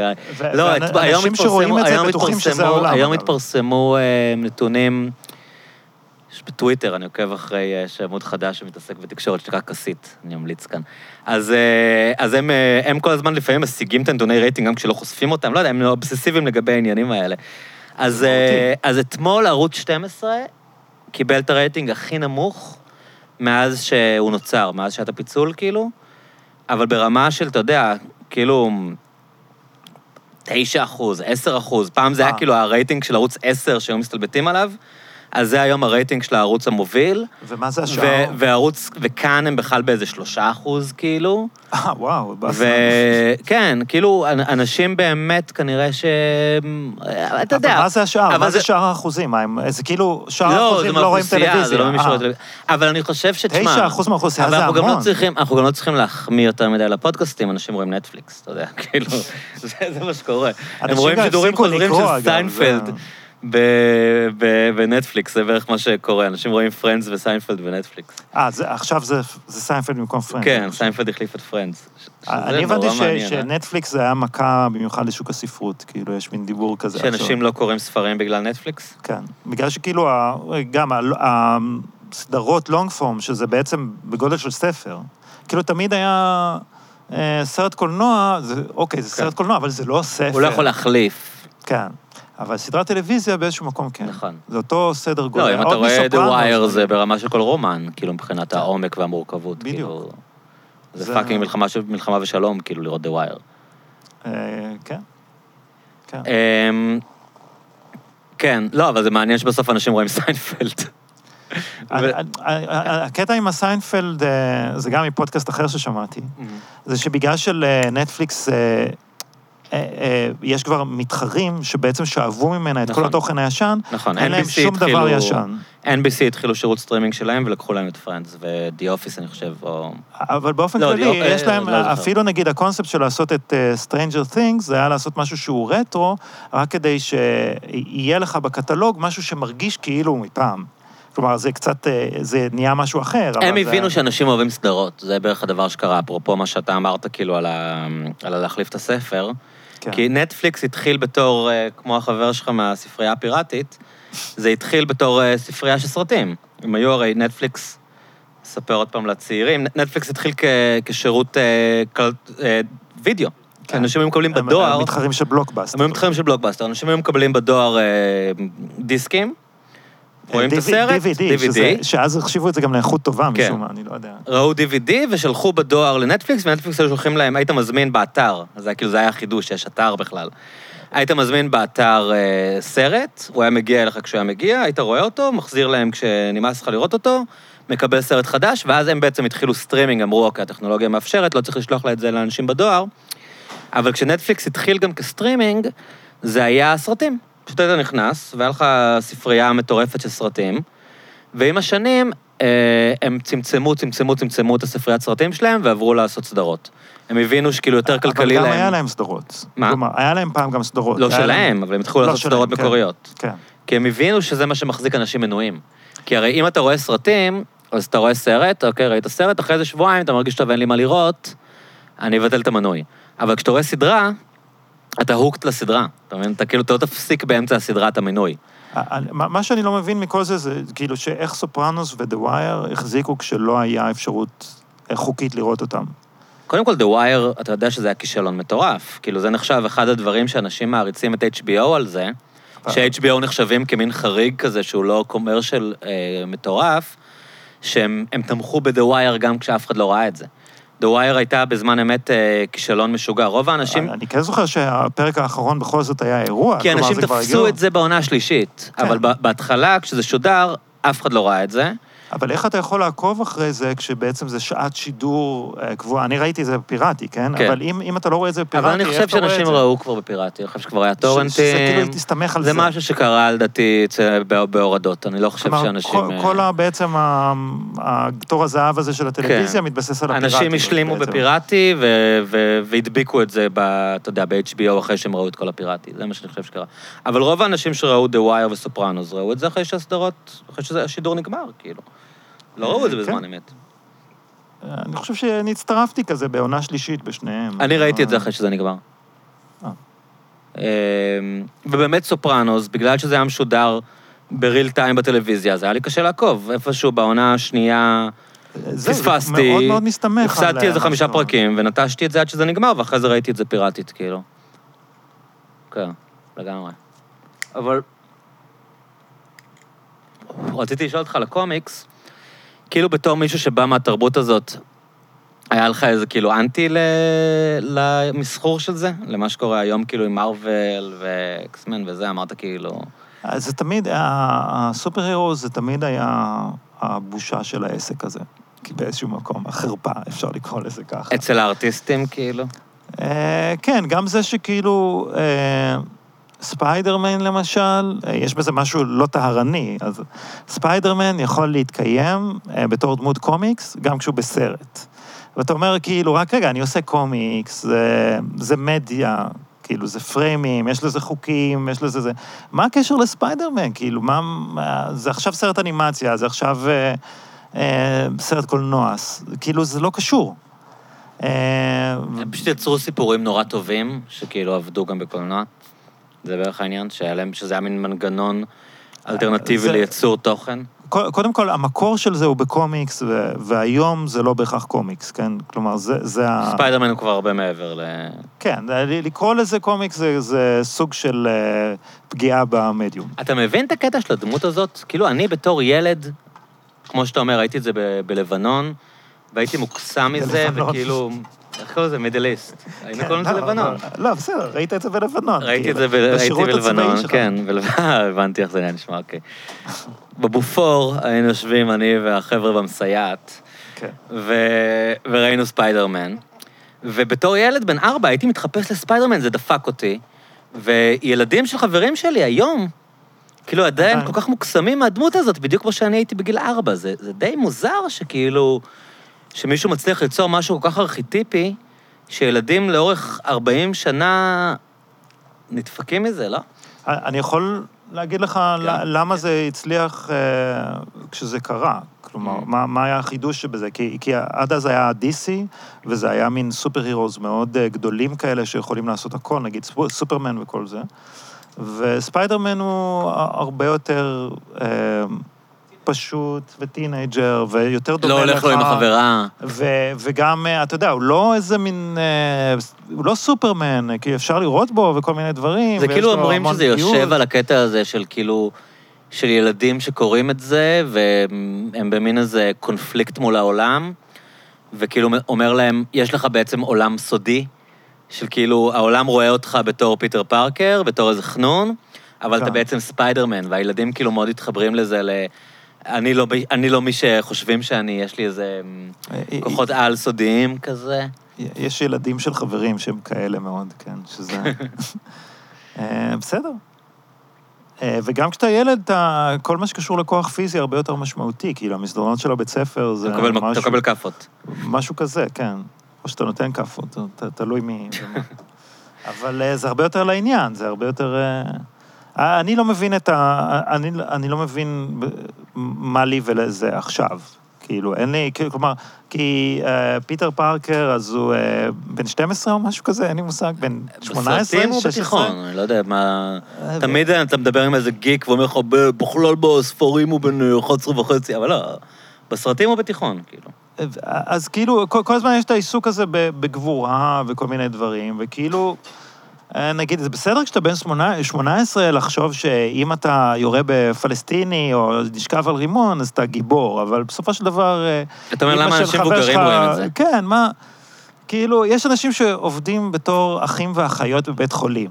מצילים חיים באמת. כן, אשכרה, כאילו, עובדים 26 שעות רצוף, נו, באמת, מה... איך אפשר להשוות בכלל? כאילו, אז זה מוזר לך שאנשים בני 40 אה, מתלהבים ממרוויל? מאוד משונה לי, כן. אני לא- אני אגיד לך, אני אה, נכנסתי לכל העניין הזה של מארוול אה, מאוחר. בהתחלה הייתי בהתכחשות לזה, ואז מלא חברים שלי חפרו על זה. ותקופות, אתה יודע, היה לי הרבה זמן פנוי, התחלתי להוריד את כל הסרטים, ראיתי את כל, הס... את כל המרווילים, עד האחרונים, כאילו, עד ה Endgame ו... יש טובים ב- ב- ביניהם? רגע, אוקיי. יש לי משהו להגיד. עד, עד האלה שמסיימים את מה שהמקצוענים קוראים Phase 3, עד. עד ה... עד ה... הוא צוחק. עד ה-Avengers Endgame, ולא יודע איך קוראים לשני, השני הסרטים האחרונים. השלמתי את כולם תוך איזה שנה וחצי. שזה כמו לראות סדרת טלוויזיה, רק של כן, סרטים. ראיתי את זה ב binge, בדיוק. ואז... אה, ואז בסרטים האחרונים הלכתי לחבר שלי, שהוא מין הייטקיסט עשיר כזה, שעשה אקזיט, ויש לו חדר הקרנה בבית. אתה יודע, אמרתי, טוב, בוא נראה את זה properly. אתה יודע, סרט חשוב, כאילו, מבחינת... איזה סרט. תזכיר לי עוד פעם, אמרת עכשיו? היה, הש, השניים האחרונים של ה Avengers היו שניים. כן, את זה אני זוכר, ראיתי. אז היה את האחרון אחרון והיה אחד לפני. כן. אז אותם ראית אצל את ההייטקיסט. ב- האחד לפני האחרון, אני לא זוכר איך קראו לו. אחד מהם הוא Endgame, והשני הוא, אה, בטח כל המאזינים החנונים יודעים, אבל אני לא- לא, לא זוכר עכשיו. אוקיי, אז, אה, אז אה, אמרתי, טוב, אני אלך לראות את זה אצלו. עכשיו, מה קרה? אני באתי אליו למרתף, לחדר הקרנה הפרטי שלו לראות את זה, והוא ראה את זה עם שני הילדים שלו, הם באו לראות איתנו. הילדים שלו בני שמונה ועשר. וראיתי את זה איתם, והם כבר ראו את הסרט עשר פעמים, והם מתלהבים, והם כזה, כן, תרביץ לו, אתה יודע, ואני כזה מסתכל ואני אומר, fuck, אני, אה, כאילו, זה- אני רואה סרט לילדים בני 11. הייתי בטוח שתגיד שזה חיזק לך מאוד את הצפייה. לא, זה היה כזה, זה- פתאום הבנתי כאילו שאני כאילו רואה סרט שמיועד לילדים בני 11, שנהנים מזה הרבה יותר ממני, ואני כאילו הרגשתי די מטומטם שאני בכלל יושב ורואה את זה. יכול להיות, אגב, אה, שאם היית רואה את זה עם עוד 300 ילדים, זה, זה היה מחזק את זה דווקא, Mhm. ולא מחליש את זה, למה? אני לא יודע. כי יש את הקטע הזה של אה, להיות באולם קולנוע, החוויה של הקולנוע, שבעצם הסרטים האלה מיועדים לזה, אז, אה, אז יכול להיות שזה הדרך להרוויח את זה. כאילו, אני כן הייתי עף על זה, אה, אחרי שראיתי את הסדרת ספיידרמן ב Middle East Television בשנת אה, 87, אז כן הייתי עף על לראות את הספיידרמן של היום. Mm. כאילו, לראות את זה סוף סוף באיזושהי רזולוציה. כמו שזה אמור להיות. כן, כמו שזה אמור להיות, כמו שאתה מדמיין את זה וכל זה. אה, ויש לי חבר שהלך עם הבן שלו לראות את ה Star Wars החדשים. כן, גרועים ברמות. אה, זה, כלום, זה לא סרט בכלל. זה מביך. אבל, כאילו כן, אה, אה, אבא ובן, אה, האבא ראה את הסרטים הראשונים בקולנוע, כשהוא היה בגיל של הבן. מין אה, אתוס כזה, של כזה אבא רואה עם הבן בייסבול. כן, בדיוק. וזה כאילו כן, ו, ובשביל ילדים זה עובד. אז סבבה, אז אה, אתה יכול להתחבר, הרבה אנשים יכולים להתחבר להרבה דברים דרך הילדים שלהם. אה, ואולי זה מה שקורה גם עם מארוול. זה כן מעניין, אבל העניין של טכנולוגיה, שהיום כאילו אפשר לספר סיפורים כמו שהם אמורים להיות. נגיד כאילו Lord of the Rings זה דוגמה טובה שכאילו, זה היה הרומן הכי מצליח בהיסטוריה בערך, ולא עשו סרט עד שנות האלפיים, כי פשוט אי אפשר אה, אגב, היה. עשו סרט ב-70's. אבל לא live action, עשו מצויר. עשו, כן, עשו מצ- מצוין לא, אבל אני בכישלון. מתכוון, לא היה סרט, כאילו, live action עם שחקנים.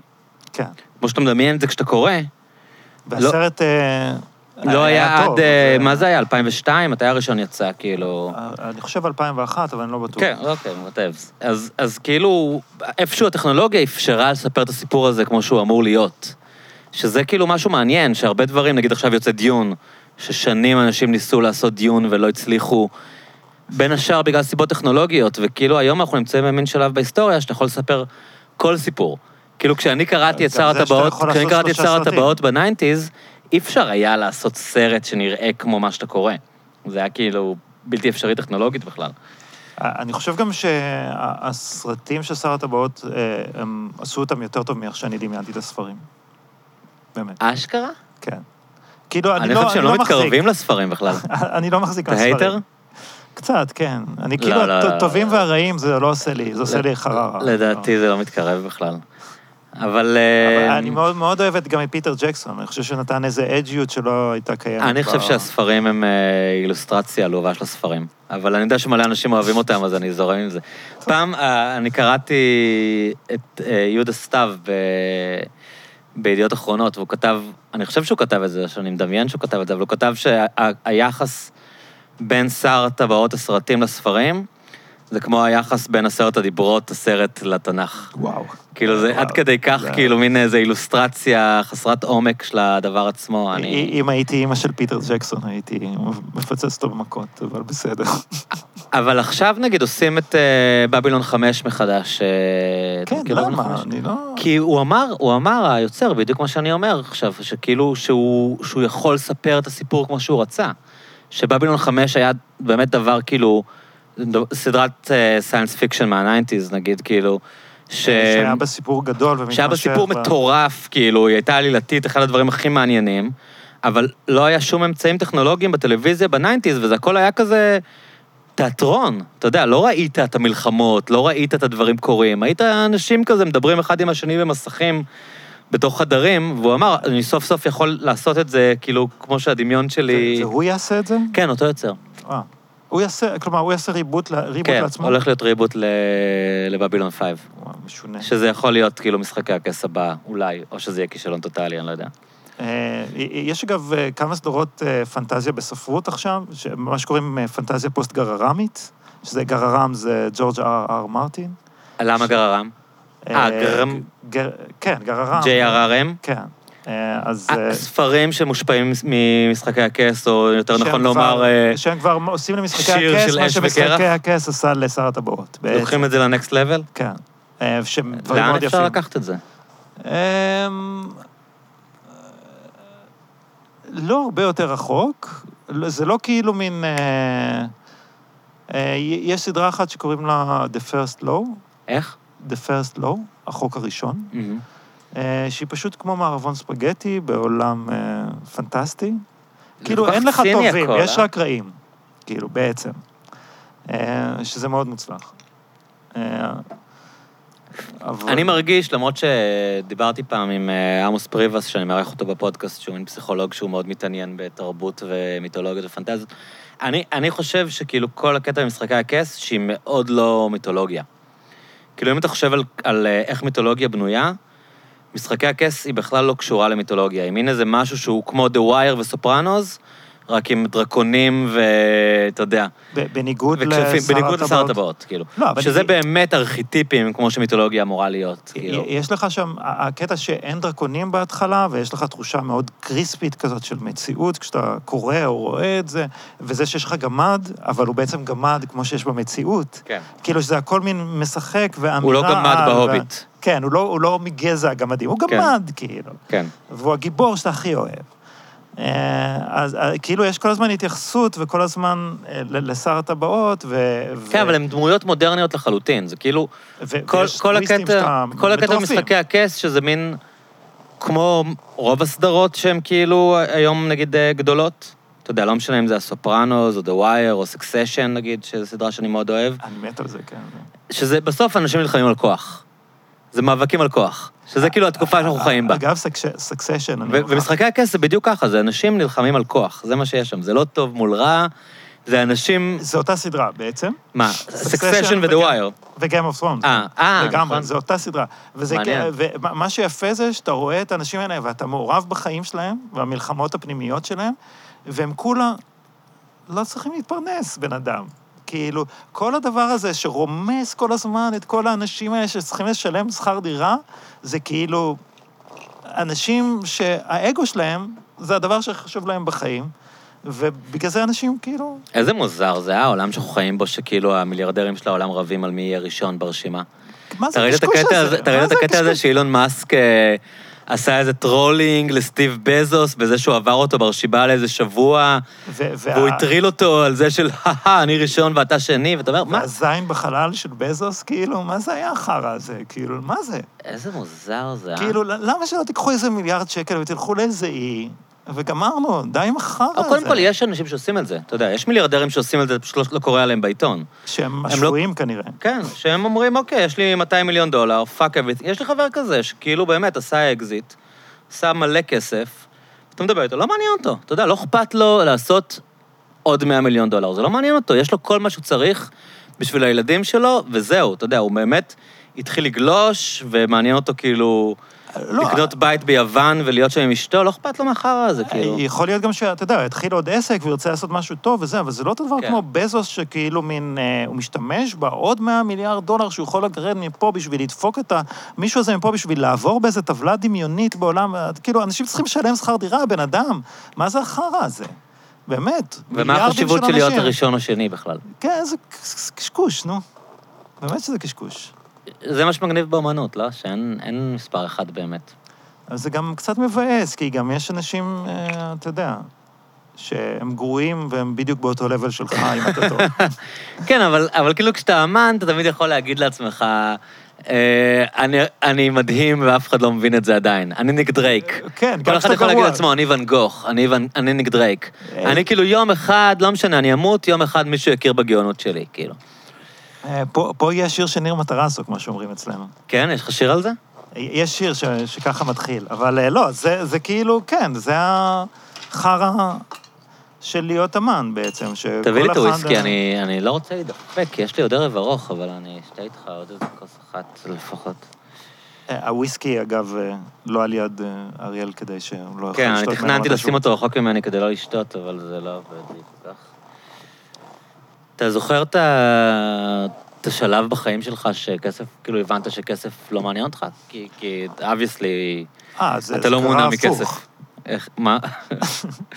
לא, אני זוכר את השלב בחיים שבו הבנתי שזה שאין לי כסף זה בעיה, אבל אני לא זוכר את השלב אה, הוא לא עניין אותך בשום שלב? כאילו, לא היה לך בתור ילד המחשבה של... אני הייתי בטוח שאני מיליונר, נגיד, כשהייתי בתיכון. אני, כשאני גדלתי, כשנולדתי, אה, אתה יודע, היה, נולדתי במדינה סוציאליסטית. אה, אני לא... ישראל. כן. אוקיי. כאילו, זו הייתה מדינה אה, שהתיימרה להיות סוציאליסטית אז, ואני, אה, אתה זה לא לא כזה היה ערך. מבוגר. אתה בשנות ה-80, שהיה כבר את תוכנית העיצוב, ו... נולדתי ב-72. כן, לא, אבל אני אומר, גדלת בשנות ה-80. כן, גדלתי בשנות ה-80, כן, אבל זה עדיין לא היה, כאילו זה... הקפיטליזם הזה של שנות ה-80, זה, זה היה... התחלה. מאוד, כן, משהו... אנשים עוד לא... ייצור כלאיים מפגר, כאילו, זאת כאילו, לא... הפילו את זה לאנשים, אבל תרבותית הם עוד לא היו שם. לגמרי לא. כאילו, היה מטבע, היה... אה, אתה יודע, אני זוכר שאבא שלי קנה רכב עם שטרות. דברים כאלה. אשכרה. לא- קנה אוטו במזומן? כן. אבל אני לא, אה, כאילו, זה לא היה דבר חשוב. ל- ל- להורים שלי זה, אה, כאילו, הם הבינו את זה בניגוד ל- לכל היגיון, הם הבינו את זה לפניי. שזה חשוב? כן. אולי לא בניגוד לכל היגיון, אבל אה, כלומר, בדרך כלל מה שקורה זה שהילדים הרבה יותר... אה, כן, אה, savvy. כן, הרבה יותר, לומדים את השטויות, את הסביבה הרבה יותר מהר. אז הם, הם, הם למדו את הסביבה הרבה יותר מהר, הם הבינו את החרטא. אה, ו... והם ניסו להסביר לי שכסף זה חשוב, ואני חשבתי שהם טועים, כי אה, כבר הייתי נער, ו... וההורים שלי תמיד טועים. אה, אז, אז זה לא שאני חושב שכסף זה הדבר החשוב בעולם, אבל אף פעם לא היה את השלב שבו הבנתי שכסף זה לא חשוב. להפך, כאילו, זה, ה- זה תמיד היה... לא, אה, הבנתי, אוקיי. שאלתי אותך שאלה לא טובה, אתה אומר, אוקיי, בסדר. אה, כן- אה, אז, אז בסדר, אז אני עושה מוזיקה, כל מה שאני עושה, אני עושה לבד, שזה מגבלה בפני עצמה. ובעצם חלק מהעניין זה בשביל לא לערב כסף, כי אני לא יודע לעשות את זה טוב, כי אני לא יודע להתנהל עם זה טוב, או לא... כאילו, אה, קצת, אתה יודע, אני לא עושה קולנוע. כן. אני גם- שקולנוע זה תמיד כאילו תקציב. כן, תמיד צריך לדעת להסתדר עם כסף, וצריך לדעת לתזמן. אה, באנימציה זה דבר מאוד חשוב, אבל אה, ברגע שכסף זה דבר אה, שהוא מספרים, זה אחרת. במציאות שלנו כסף זה לא מספרים, זה משהו הרבה יותר, זה מעמד בעצם, זה, זה קצת שונה. זה נורא מוזר לי. כאילו, מה שאמרת עכשיו על המעמד, כאילו... שזה באמת... כאילו, דיברנו על, על בזוס ואילון מאסק, אבל זה נכון... זה נכון בחיים של כולם, כאילו. ש... שהכסף זה כאילו, בס... בגד... לדעתי, כן? בגדול, זה... זה... זה אמצעי להבין איפה אתה ביחס לאנשים אחרים, ברוב המקרים. כאילו, זה, זה לא... סתם, תגיד מה אתה חושב, אני לא... אני, גם שתיתי יותר מדי וויסקי, אני לא יודע אם אני יכול להיות מנוסח מספיק כדי להגיד, אה, להגיד לא- מה אני חושב על זה. אוקיי. הכוונה בזה שזה מעמד, אה, כאילו לא חסר כלום לבן אדם במידל אייג', זה איפשהו מה שאני אומר, מידל קלאס. כאילו, אם אתה בן אדם מעמד ביניים, חוץ מזה שמעמד הביניים הולך ומצטמצם. כן, אבל אם אתה באמת מעמד ביניים, עזוב אם אתה נתלש ממעמד הביניים. אם אתה אוקיי. נתלש ממעמד ביניים, שזה גם, אתה יודע, אצלנו, באיפה, בתור אנשים כאילו תל אביבים, אז זה מאוד המאבק הזה של להישאר בעיר. כאילו, זה משהו שגם שמעתי ממך, שמעתי אותך בעקיפין אומר. לגמרי, כאילו, כן. המלחמה, המלחמה היא לא להיפלט מהעיר. ברגע שאתה, ברגע שאתה וזוגתך. ברגע שאתה וזוגתך תעברו לגור בחיפה, במיוחד אם תגורו בהדר, אין יותר את האישיו הזה. אתה מבין? ת- ת- ת- תז- אתם תזכרו דירה מהממת ב-2,800 שקל, 3,200, יכול להיות, אבל יכול להיות שבגלל שאמרת את זה עכשיו בפודקאסט, אז אה, אנשים ישיגו כולם יעברו אותנו. לגור כן. בהדר? אתה חושב כן. שאני ג'ו רוגן? מה, כאילו? לא, אני לא... אני מה אתה מאוד חושב מקווה שיקרה? שזה לא יקרה, זה הפחד שלי. תשמור את זה בסוד. כן, אבל זה באמת ככה. אה, לא רעת רעתך. הכוונה בזה שכסף זה מעמד... זה, זה, כמו להיות, אה, ת- תחשוב על להיות טבח, כן? כן. אתה יכול להיות אה, טבח אה, טוב, אני ממוצא מזרחי, יודע להכין אחלה שקשוקה, יודע להכין דברים שאתה לא חלמת עליהם, נגיד. מה זה מטרס? זה יווני? יווני, אבל אימא שלי סורית. אוקיי. אבל... אני אגיד שאתה אחד האנשים הכי אשכנזים שפגשתי בחיים. יש לי משקפיים גם. סתם, כן. אבל, ואני לא, לא אשכנזי בכלל. אה, אבל אתה לא יודע, אה, אתה לא בהכרח תדע לעבוד עם דיוננים, כן? כי, אין, כי לא גדלת בכסף ולא גדלת Mhm. במצב שאתה יכול לקנות את החומרי גלם. מעניין. לעשות כן. את זה. אני, נגיד, אה, מהרגע שהתחלתי להיות גרפיקאי, הסתובבתי בבתי דפוס ועבדתי עם מכונות דפוס שאני לא יכול לקנות בעצמי, בתור שכיר. כן. אבל בסופו של דבר, מי שיש לו כסף יכול... אה, להת... יש לו איזשהו חופש להתמקצע עם חומרים, שאין למי שאין לו כסף, וזה קונה מעמד. זה, זה מה שהתכוונתי. ת- ת- ת- תמשיך, זה מעניין אותי. אני מרגיש שלא לגמרי הבנתי, אבל זה כאילו, נראה לי שאתה נוגע אם במשהו אני נכון. ארצה עכשיו, אה, למשל, להרחיב את עצמי מוזיקלית, ואני ארצה לעשות מוזיקה לתזמורת, כן. אז uh, אני אצטרך קודם כל להגיע למצב שמישהו ירצה לעשות את זה בשבילי בחינם, כן? ו... אבל... זה עולם היררכי בעצם. ו- ואז אני אצטרך לעשות את הכמה פעמים שזה טעויות, אה, יש כמה פעמים שזה עם פשלה, כמה פעמים שפה וכמה פעמים, יש לי כאילו פחות הזדמנויות. לעומת מי שנגיד יש לו את התקציב לזה או את הכסף לזה, או שהוא גדל לתוך הסביבה כן. הזאת והוא יכול פשוט לי לעשות את זה בצורה יותר לי היה חזקה. חבר שאבא שלו היה מיליונר, הוא היה מייצר נייר או איזה משהו כזה, היה לו מפעלי נייר, והקטע שלו היה שהוא היה כאילו תורם לפילהרמונית, ובתמורה לתרומה שלו, הוא היה מנצח על התזמורת מדי פעם. מה? והוא היה מציג את עצמו כ... הוא היה מציג את עצמו כמנצח. הוא הוא היה כנראה... תכף אני אגיע לזה. הוא הציג את עצמו כ... שזה כ- הפרארי, אגב, של עולם המוזיקה. כן, ממש. זה ה- הוא הציג את עצמו כמנצח ותעשיין, והוא היה מדי פעם בא, כאילו כנראה באיזושהי קומבינה עם התרומה שלו לפילהרמונית, ומנצח על התזמורת הפילהרמונית, לא בפני קהל. אתה יודע, סתם איזה אחר הצהריים. סתם כמו שאני מנגן על הגיטרה. וידידה שלי שנגנה בתזמורת, אמרה, תשמע, הוא המנצח הכי גרוע, כאילו, שאתה יכול לדמיין, אבל אה, הוא קנה את זה. הוא פשוט קנה את החלום שלו של להיות מנצח, הוא עמד שם עם השרביט לפני התזמורת הפילהרמונית, ו... וזה קרה. אז אם הוא היה רוצה, הוא גם היה יכול לקנות את האפשרות להשתפר. כלומר, הוא היה יכול... אולי הוא ישתפר, אני לא יודע אם הוא נשאר גרוע, יכול להיות ששמע אותו בפעם השנייה, אני לא רוצה סתם להשמיץ, זה- אולי הוא... זה קצת מזמין לדמיין שלא, שהוא נשאר כן. גרוע וגמר אנחנו רוצים לחשוב שהוא היה גרוע. יותר- קל לחשוב שהוא לא טוב. הוא היה יכול לעשות את זה בשביל הבן שלו, והבן שלו, הבן 12, היה יכול להיות בגיל 20 עם שעות. ניצוח נכון, שלא היה נכון, לאף נכון, אחד אחר. זה העניין. כן. זה הבאסה. כן, טניסאים זה ככה. טניסאים זה, זה נורא נורא יקר לייצר טניסאי מקצועי. כאילו, אם אתה לא. רוצה שהבן שלך, היום מדברים על זה, שהרבה טניסאים הם אה, ילדים של הטניסאים המצליחים בעולם, הרבה מהם, זה כמו ילדים הם של ילדים. הם ילדים של אנשים עם אמצעים. כאילו, העלות של אה, לייצר טניסאי מקצועי עם המאמן, עם המאמן הנכון, עם להטיס אותו לטורנירים בינלאומיים כשהוא ילד, עם, אה, עם כל העבודה, זה בעצם, אתה יודע, פריבילגיה מאוד גדולה. בניגוד לכדורסל או כדורגל, שגם ילד כמו מ... להיוולד לניו יורק לעומת... אה, כן, השיחה שלנו על Strokes, כאילו. כן, כן. אה, לא נעים. אז מה יהיה? אה, מה יהיה? או שיהיה כלכלה... כאילו, יש איזו מחשבה רומנטית שתמיד איכשהו האמת תנצח, ואנשים עניים יבואו עם איזה אמת שלעשירים אין.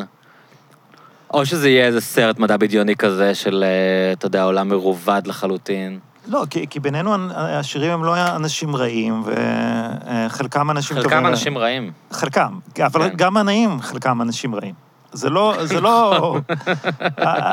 אבל אז זה לא כאילו שאתה ההומלסים יכול להגיד... בשכונה שלך, חלק מהם חרא של אנשים. וואו, יש כמה חרא, אתה לא מאמין.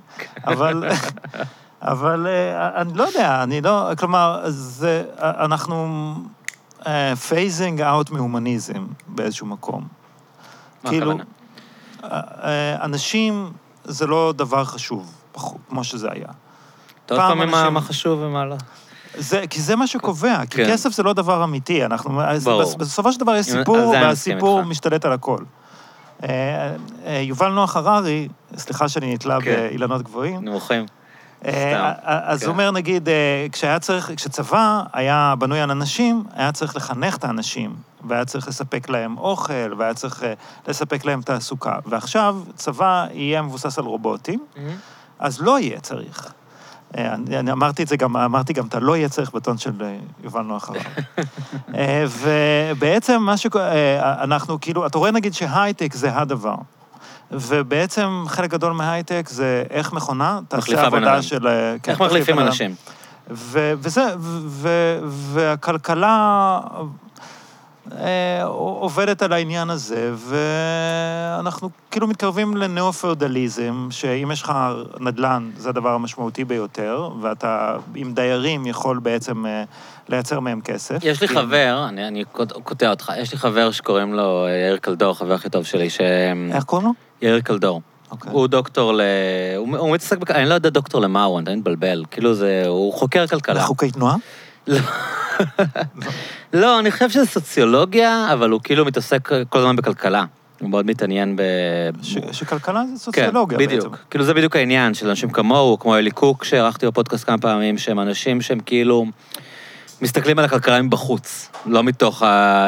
איזה נוסחה תתאר יותר טוב, אלא what the fuck is going on here, כזה. ודיברתי איתו בדיוק על זה, על מה שאתה אומר עכשיו. והוא אמר שזה כאילו מעניין שאנשים תמיד מסתכלים על, ה...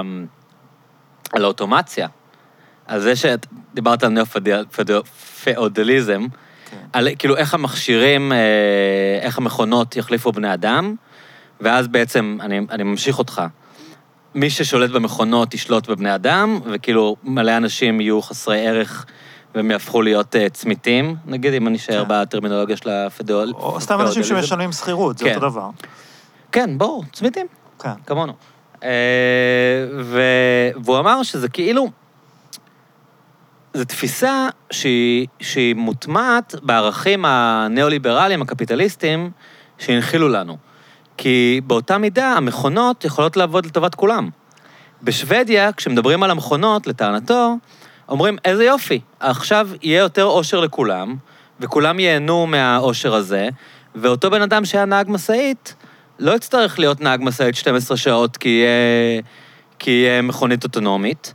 הוא יוכל אה, לפתח את עצמו ולחיות ברווחה. כאילו, אבל כאילו, בש- ה- בשוודיה יש ההנחה- מערכת מתפקדת, זה לא, אבל ההבדל. כל מה שהוא אמר, שזה מעניין, שכאילו אנחנו מת- מתייחסים לטכנולוגיה כדבר רע, אבל, אבל זה רק נובע מהעולם ערכים הקפיטליסטי שגדלנו עליו, של כאילו, אה, ברור שמישהו, יש איזו חברה, איזה סקיינט, מטרמינטור לא. שולט במכונות, אבל הטכנולוגיה יכולה גם לעבוד לטובת כולם. היא כאילו, אנחנו יכולה, באותה מידה שאנחנו. מדמיינים את העתיד הדיסטופי שלרגע נגעת בו, של אה, ניצור איזו תקופה ניאו-פאודלית, באותה מידה זה גם יכולה להיות תקופה מדהימה שכולם לא עובדים ומתעסקים באומנות. כאילו, למה, למה אנחנו כאילו בוחרים להתייחס לזה כאילו שאם המכונות יחליפו את האנשים, כי- כי אז ה- האנשים יהיו עניים במקום שהמכונות ייצרו עושר וכולנו נחיה ברווחה. ה- ה- כי הבעיה היא המערכת שקיימת ואיך שהיא מתמודדת עם זה. בדיוק.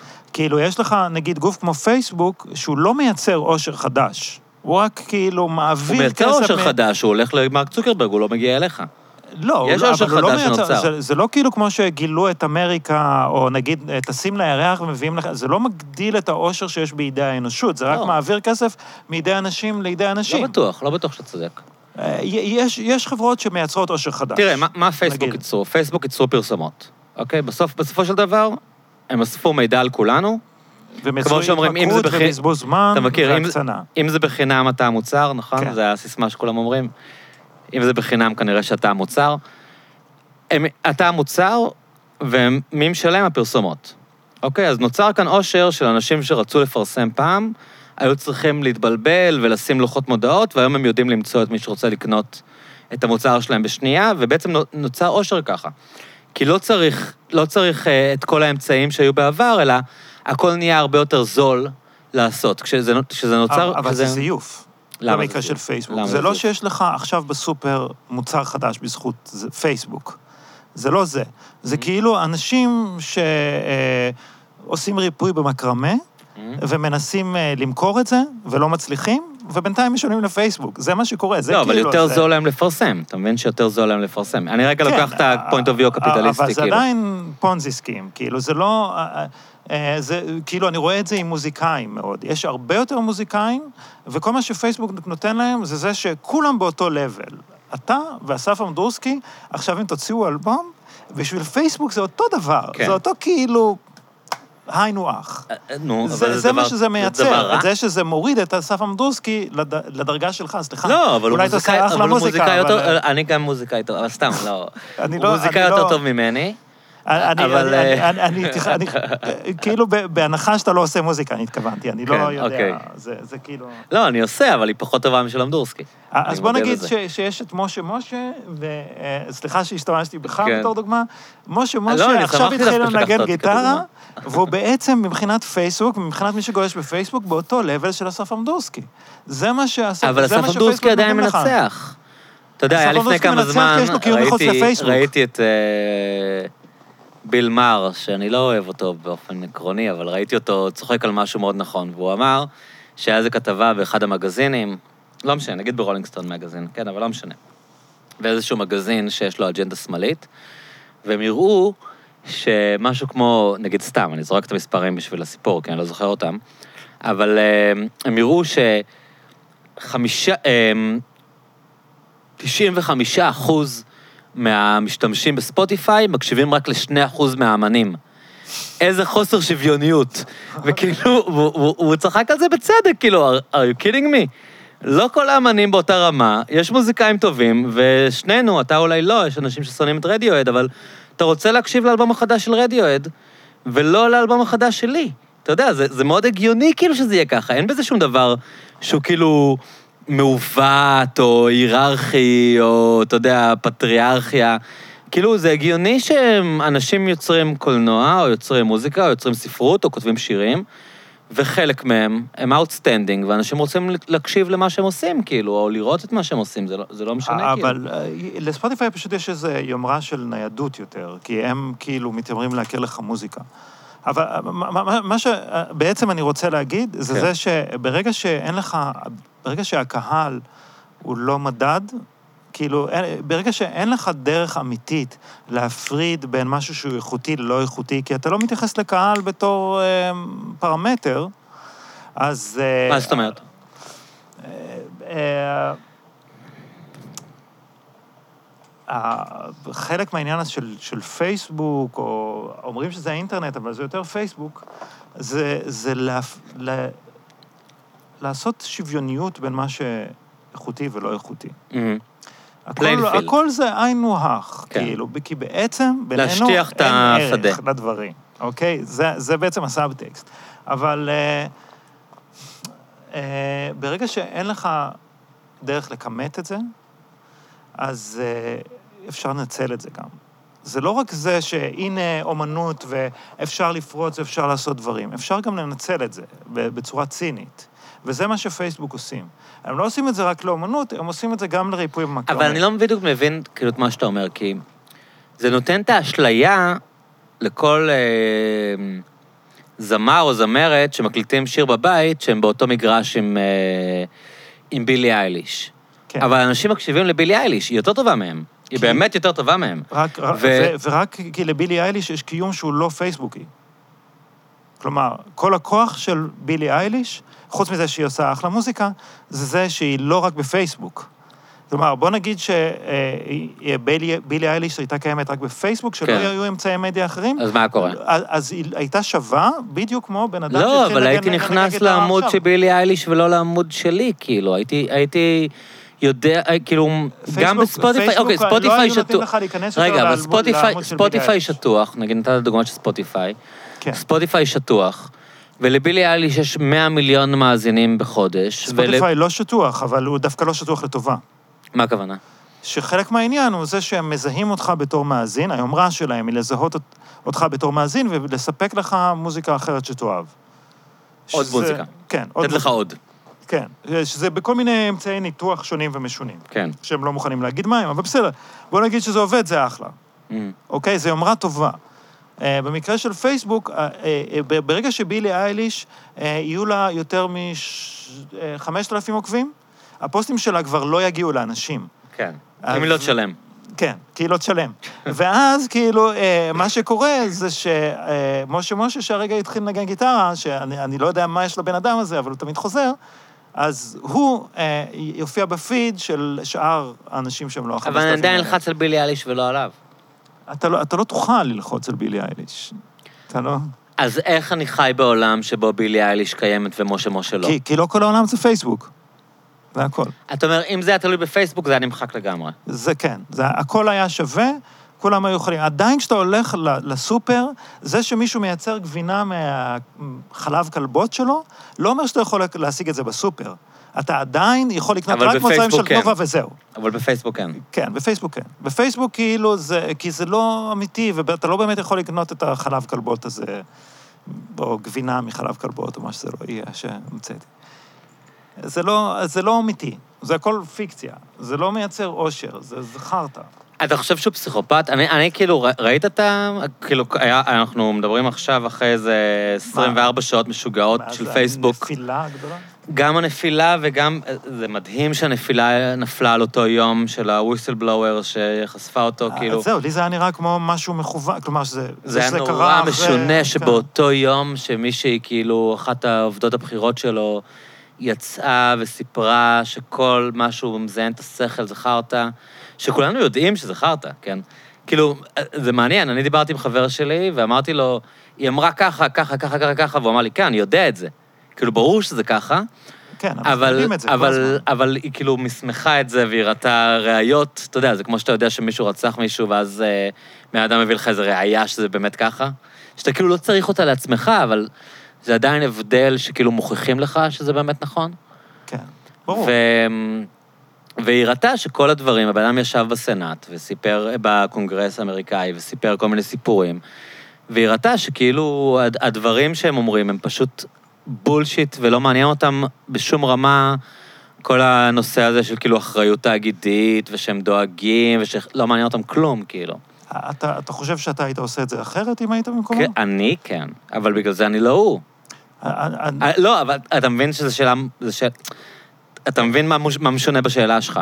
אתה שואל אותי אם אני הייתי עושה את זה אחרת, אני, אני רוצה להאמין ומאמין באמונה שלמה שהייתי עושה את זה אחרת, אבל גם לא הייתי מגיע לאן שהוא הגיע בגלל שאני עושה את זה אחרת. לא, אה, בוא, בוא נגיד שהיום משתילים אותך עכשיו בגוף שלו, ברור מה שלא עושה את זה יהיה. אחרת, ברור. אני- ברור. לי זה ברור. אה, אני לא בטוח, כלומר, זה, זה היה בעצם, השאלה הייתה... ל- אבל, אבל אולי, אתה אומר, אולי הייי מושחת אם הייתי במקום לא, שלו. אם, אם הוא לא פשוט איש עסקים. אם זה לא ברור פשוט, שהוא הוא איש עסקים, משנה- בר- כלומר, ברור.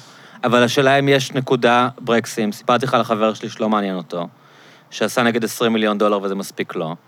ואז יש לך את uh, מרק צוקרברג, שיש לו uh, 20 מיליארד דולר, או 100 מיליארד דולר, וזה לא מספיק לו. ואז אתה, אתה אומר, אוקיי, יש אנשים שנולדו בלי ברקסים. מל- מלא אנשים לדעתי נולדו בלי ברקסים. אני, אני, נגיד במקרה של צוקרברג, אולי אני, מש, אני כאילו משנה, עושה U-turn, כן. אבל משהו חסר לו. ואת כן. המשהו שחסר הוא לו, הוא הוא- מקבל מהבעלי מניות שלו ואת ההערכה שלו. כאילו, יש לו את הביזנס שהוא עשה כשהוא היה סוג של teenager, כן. והוא עדיין ממשיך אותו, והוא רוצה לעשות אותו הכי טוב. אה, שזה באסה לכולנו, כן? אה, אני לא, לא חושב שהוא פסיכופט בכל מקרה, כן? אני גם אני לא יודע מה זה פסיכופת, אני מרגיש שזה מין מילה שאנשים זורקים, כאילו. אני חושב שמלא אנשים יש להם פוטנציאל להיות פסיכופטים. כאילו, אני, אני לא חושב שיש דבר כזה פסיכופת, כמו שיש התנהגות פסיכופתית. אני, חושב שהרבה הרבה נתקלתי ב- כמו, אה, הנה, אתה שאלת אותי שאלה מעניינת, אם הייתי מתנהג אחרת, אם הייתי מרק צוקרברג, כן. אני חושב שמלא אנשים, אה, אתה יודע מה, זה יוצא כאילו אני עף על עצמי, אוקיי? אבל... אני, אני רוצה להאמין שלא הייתי מתנהג ככה. אבל אני כן מבין את הטענה שלך, שהרבה אנשים היו מתנהגים ככה אם הם היו במקומו. ואז יש כאן שאלה של מה זה פסיכופת. כי מרק צוקרברג, אם פייסבוק לא היה מצליח, והוא לא היה הופך להיות אחד האנשים המשפיעים בעולם, אולי הוא היה בן אדם אחר שיש לו ברקסים, ורואה את הדברים בצורה יותר מאוזנת, לגמרי, כן. זה... ו- ואז כאילו, אתה שואל את עצמך, כאילו, הוא פסיכופת, הוא נולד ככה, או שמשהו ב, בסיטואציה שהוא נקלע אליה, גורם לו להתנהג באופן פסיכופתי. אני חושב שזה הסיסטם, כאילו, אני חושב שזה מערכת, אומר, התאגידים, וזה, היא כאילו דוחפת את ה... הוא, הוא במקרה בן אדם שמתנהג משונה ונראה משונה, כן, ויש לו. הבעות פנים משונות. אז מוזר. אה, מאוד קל לחשוב שהוא פסיכופת. זה- בסדר, אבל זה נכון גם לגבי אילון מאסק וסטיב בזוס, כאילו. אה, אילון מאסק לא כל כך, הוא כאילו... אה, קודם כל הוא אספרגר, כנראה. הוא כאילו, אתה יודע, הייתי בכמה ארוחות ערב עם אנשים עם אילון כאלה. מאסק? עם, עם סוג של אילון מאסק. עם אילון מאסקים מקומיים. סוג של דושים כאלה, מה... אה, דרך אחרת לתאר את זה, בסדר. אנשים לא נעימים. אבל לא נורא. תגיד, מה, מה השעה שלנו? אפשר לסיים, בא לך. אה, אני- אתה אמרת לפני שלא ישנת בלילה, כן, לא ישנתי בלילה. אנחנו כבר. מקליטים די הרבה זמן. אה, בגדול we can rap, אם אתה רוצה. אה, בוא ננסה לסגור נושאים, כאילו, לסגור את כל מה, איזה קצוות, איזה קצוות אתה מרגיש שהתרנו? אה, נשארו- בלי פצועות. אתה רואה את המצחיק שלי? בתור קונספט, וואי, הצפתי את הטלפון שלי בוויסקי. מעבר לנאו-פאודליזם שהעסיק אותנו, ואם כן. זה יהיה או לא, זה בעצם תלוי, אני חושב, אם המערכת ה... כלומר, אם אני הגדירו לא את התפקיד של תקווה, ממשלה... אני אגיד שאני לא יותר תקווה. אני חושב. כן, אבל אני לא איבדתי תקווה. אירחתי בפרק הקודם את נעמה לזימי, שבעיניי זה נס שהיא בכנסת, אני לא ו- לא שמעתי את זה. ויש, אני מרגיש שיש עדיין, עדיין כוחות של רזיסטנס, עדיין אנשים שמתנגדים. אה, אני לא בטוח, ש... אני לא בטוח שהמאבק של האנשים שרוצים ליצור את הנאו-פדרליזם הזה שאתה מתאר אותו, אה, אני לא חושב שיהיה להם כזאת, אה, אתה יודע, שזה יהיה כזה טיול בפארק מבחינתם אה, ליצור את זה. אני חושב שתהיה התנגדות. זה אני מקווה ומאמין. אה, אני מקווה, כי אני מקווה. האנרציה היא לכיוון הזה. זה שצריך להיות גורם שיתנגד לזה, זה ברור. אה, זה פשוט עניין של להגדיר מה הממשלה אמורה לעשות. כן. ואני חושב, ש... אני חושב שבארצות הברית הם מתחילים להתקרב לזה. אה, מה עוד? היה את העניין של זיכרון והספר. אז... זה ריקאפ של הפרק? כן. אוקיי. לא, אז אה, אה, קודם כל, כדאי לקנות את הספר. זה זה אני חשוב, אה, ממש להגיד. ממליץ על הספר, אני אני גם מרגיש שלא. מכרנו אותו טוב. זה, זה אחלה באמת- ספר, זה אני לא יודע, באמת באמת. נקרא, ראיתי משהו בגוגל שעשיתי, זה נקרא כעלילה בלשית. החיפוש של אה, ניר אחרי הקסטה הזאת, זה מטורף איך משהו כל כך, אה, סליחה, דבילי, יכול להיות אה, כל כך captivating ומרתק. אתה קורא את זה ואתה נכנס איתו לאובססיה של לנסות להבין מה קורה בקסטה הזאת, והמסע לפענח את זה הוא מרתק, ואני ממש ממליץ על ועדיין הספר. דבילי. אמרת דבילי. אבל יש משהו כיף, ב, יש משהו כיף בדביליות הזאת. כאילו, אתה... יש משהו מאתגר... יש משהו שמאתגר אותך בזה שאתה אומר לעצמך, למה זה מעניין אותי, וזה עדיין מעניין אותך. אתה מבין מה מתכוון? שאתה נסחף, אתה נסחף לאובססיה של בן אדם, כאילו, אחר. זה מעניין מאוד, אני מאוד ממליץ על הספר. אוקיי, איזה עוד... וזה? שבעצם כלכלה, בעצם כסף זה לא דבר אמיתי ואנחנו חיים בסיפור וזה שולט על הכסף מעל הכל. אז זה. קשור גם לספר, אני חושב. אה, וגם, אה, מה עוד? איפה עוד היינו? הומלסים, כן. עתיד של שצריך כולנו. לפתור את זה. נשאיר את זה. אה, אה, זה. ו- ויש לי אלבום חדש, אז אה, תקשיבו, אז זה מה שרציתי בחינם. לסיים איתו. אני באמת, באמת, באמת, אה, מי ש... אני יודע אני שחלקכם... יודע אה, למכור, נכון? חלקכם מתייחסים להמלצות המוזיקליות שלי ברצינות, אני יודע את זה. ואני גם רוצה להגיד שאני לא, מעולם לא אירחתי כאן אה, מוזיקאי שלא באמת אהבתי את המוזיקה שלו, ואני לא אומר דברים סתם אף פעם. אה, אני באמת חושב שהאלבום של אה, ניר הוא מצוין וכיפי, וכמו שהוא אמר, כדאי להקשיב לו לפחות פעמיים, אם לא שלוש. והוא ממש ממש מומלץ. האלבום נקרא מטמון, נכון? אה, כן. ולשם שינוי כן אפשר למצוא אותו בספוטיפיי, ואולי גם באפל מיוזיק, אם מישהו עדיין שם. אצל יש- כל החארות. אצל כל. החארות. אז uh, תקשיבו לאלבום ותקראו את הספר. אם מישהו לא מצליח למצוא את הספר, תכתבו לי ואני אעזור לכם. זה הוצאת הקיבוץ המאוחד, בכל מקרה יש את זה באתר שלהם גם. אוקיי. אה, אז טוב, אז סיימנו. אה, אחלה. נראה לי ממש כיף. אחלה, גם אני נהניתי. ביי, להתראות.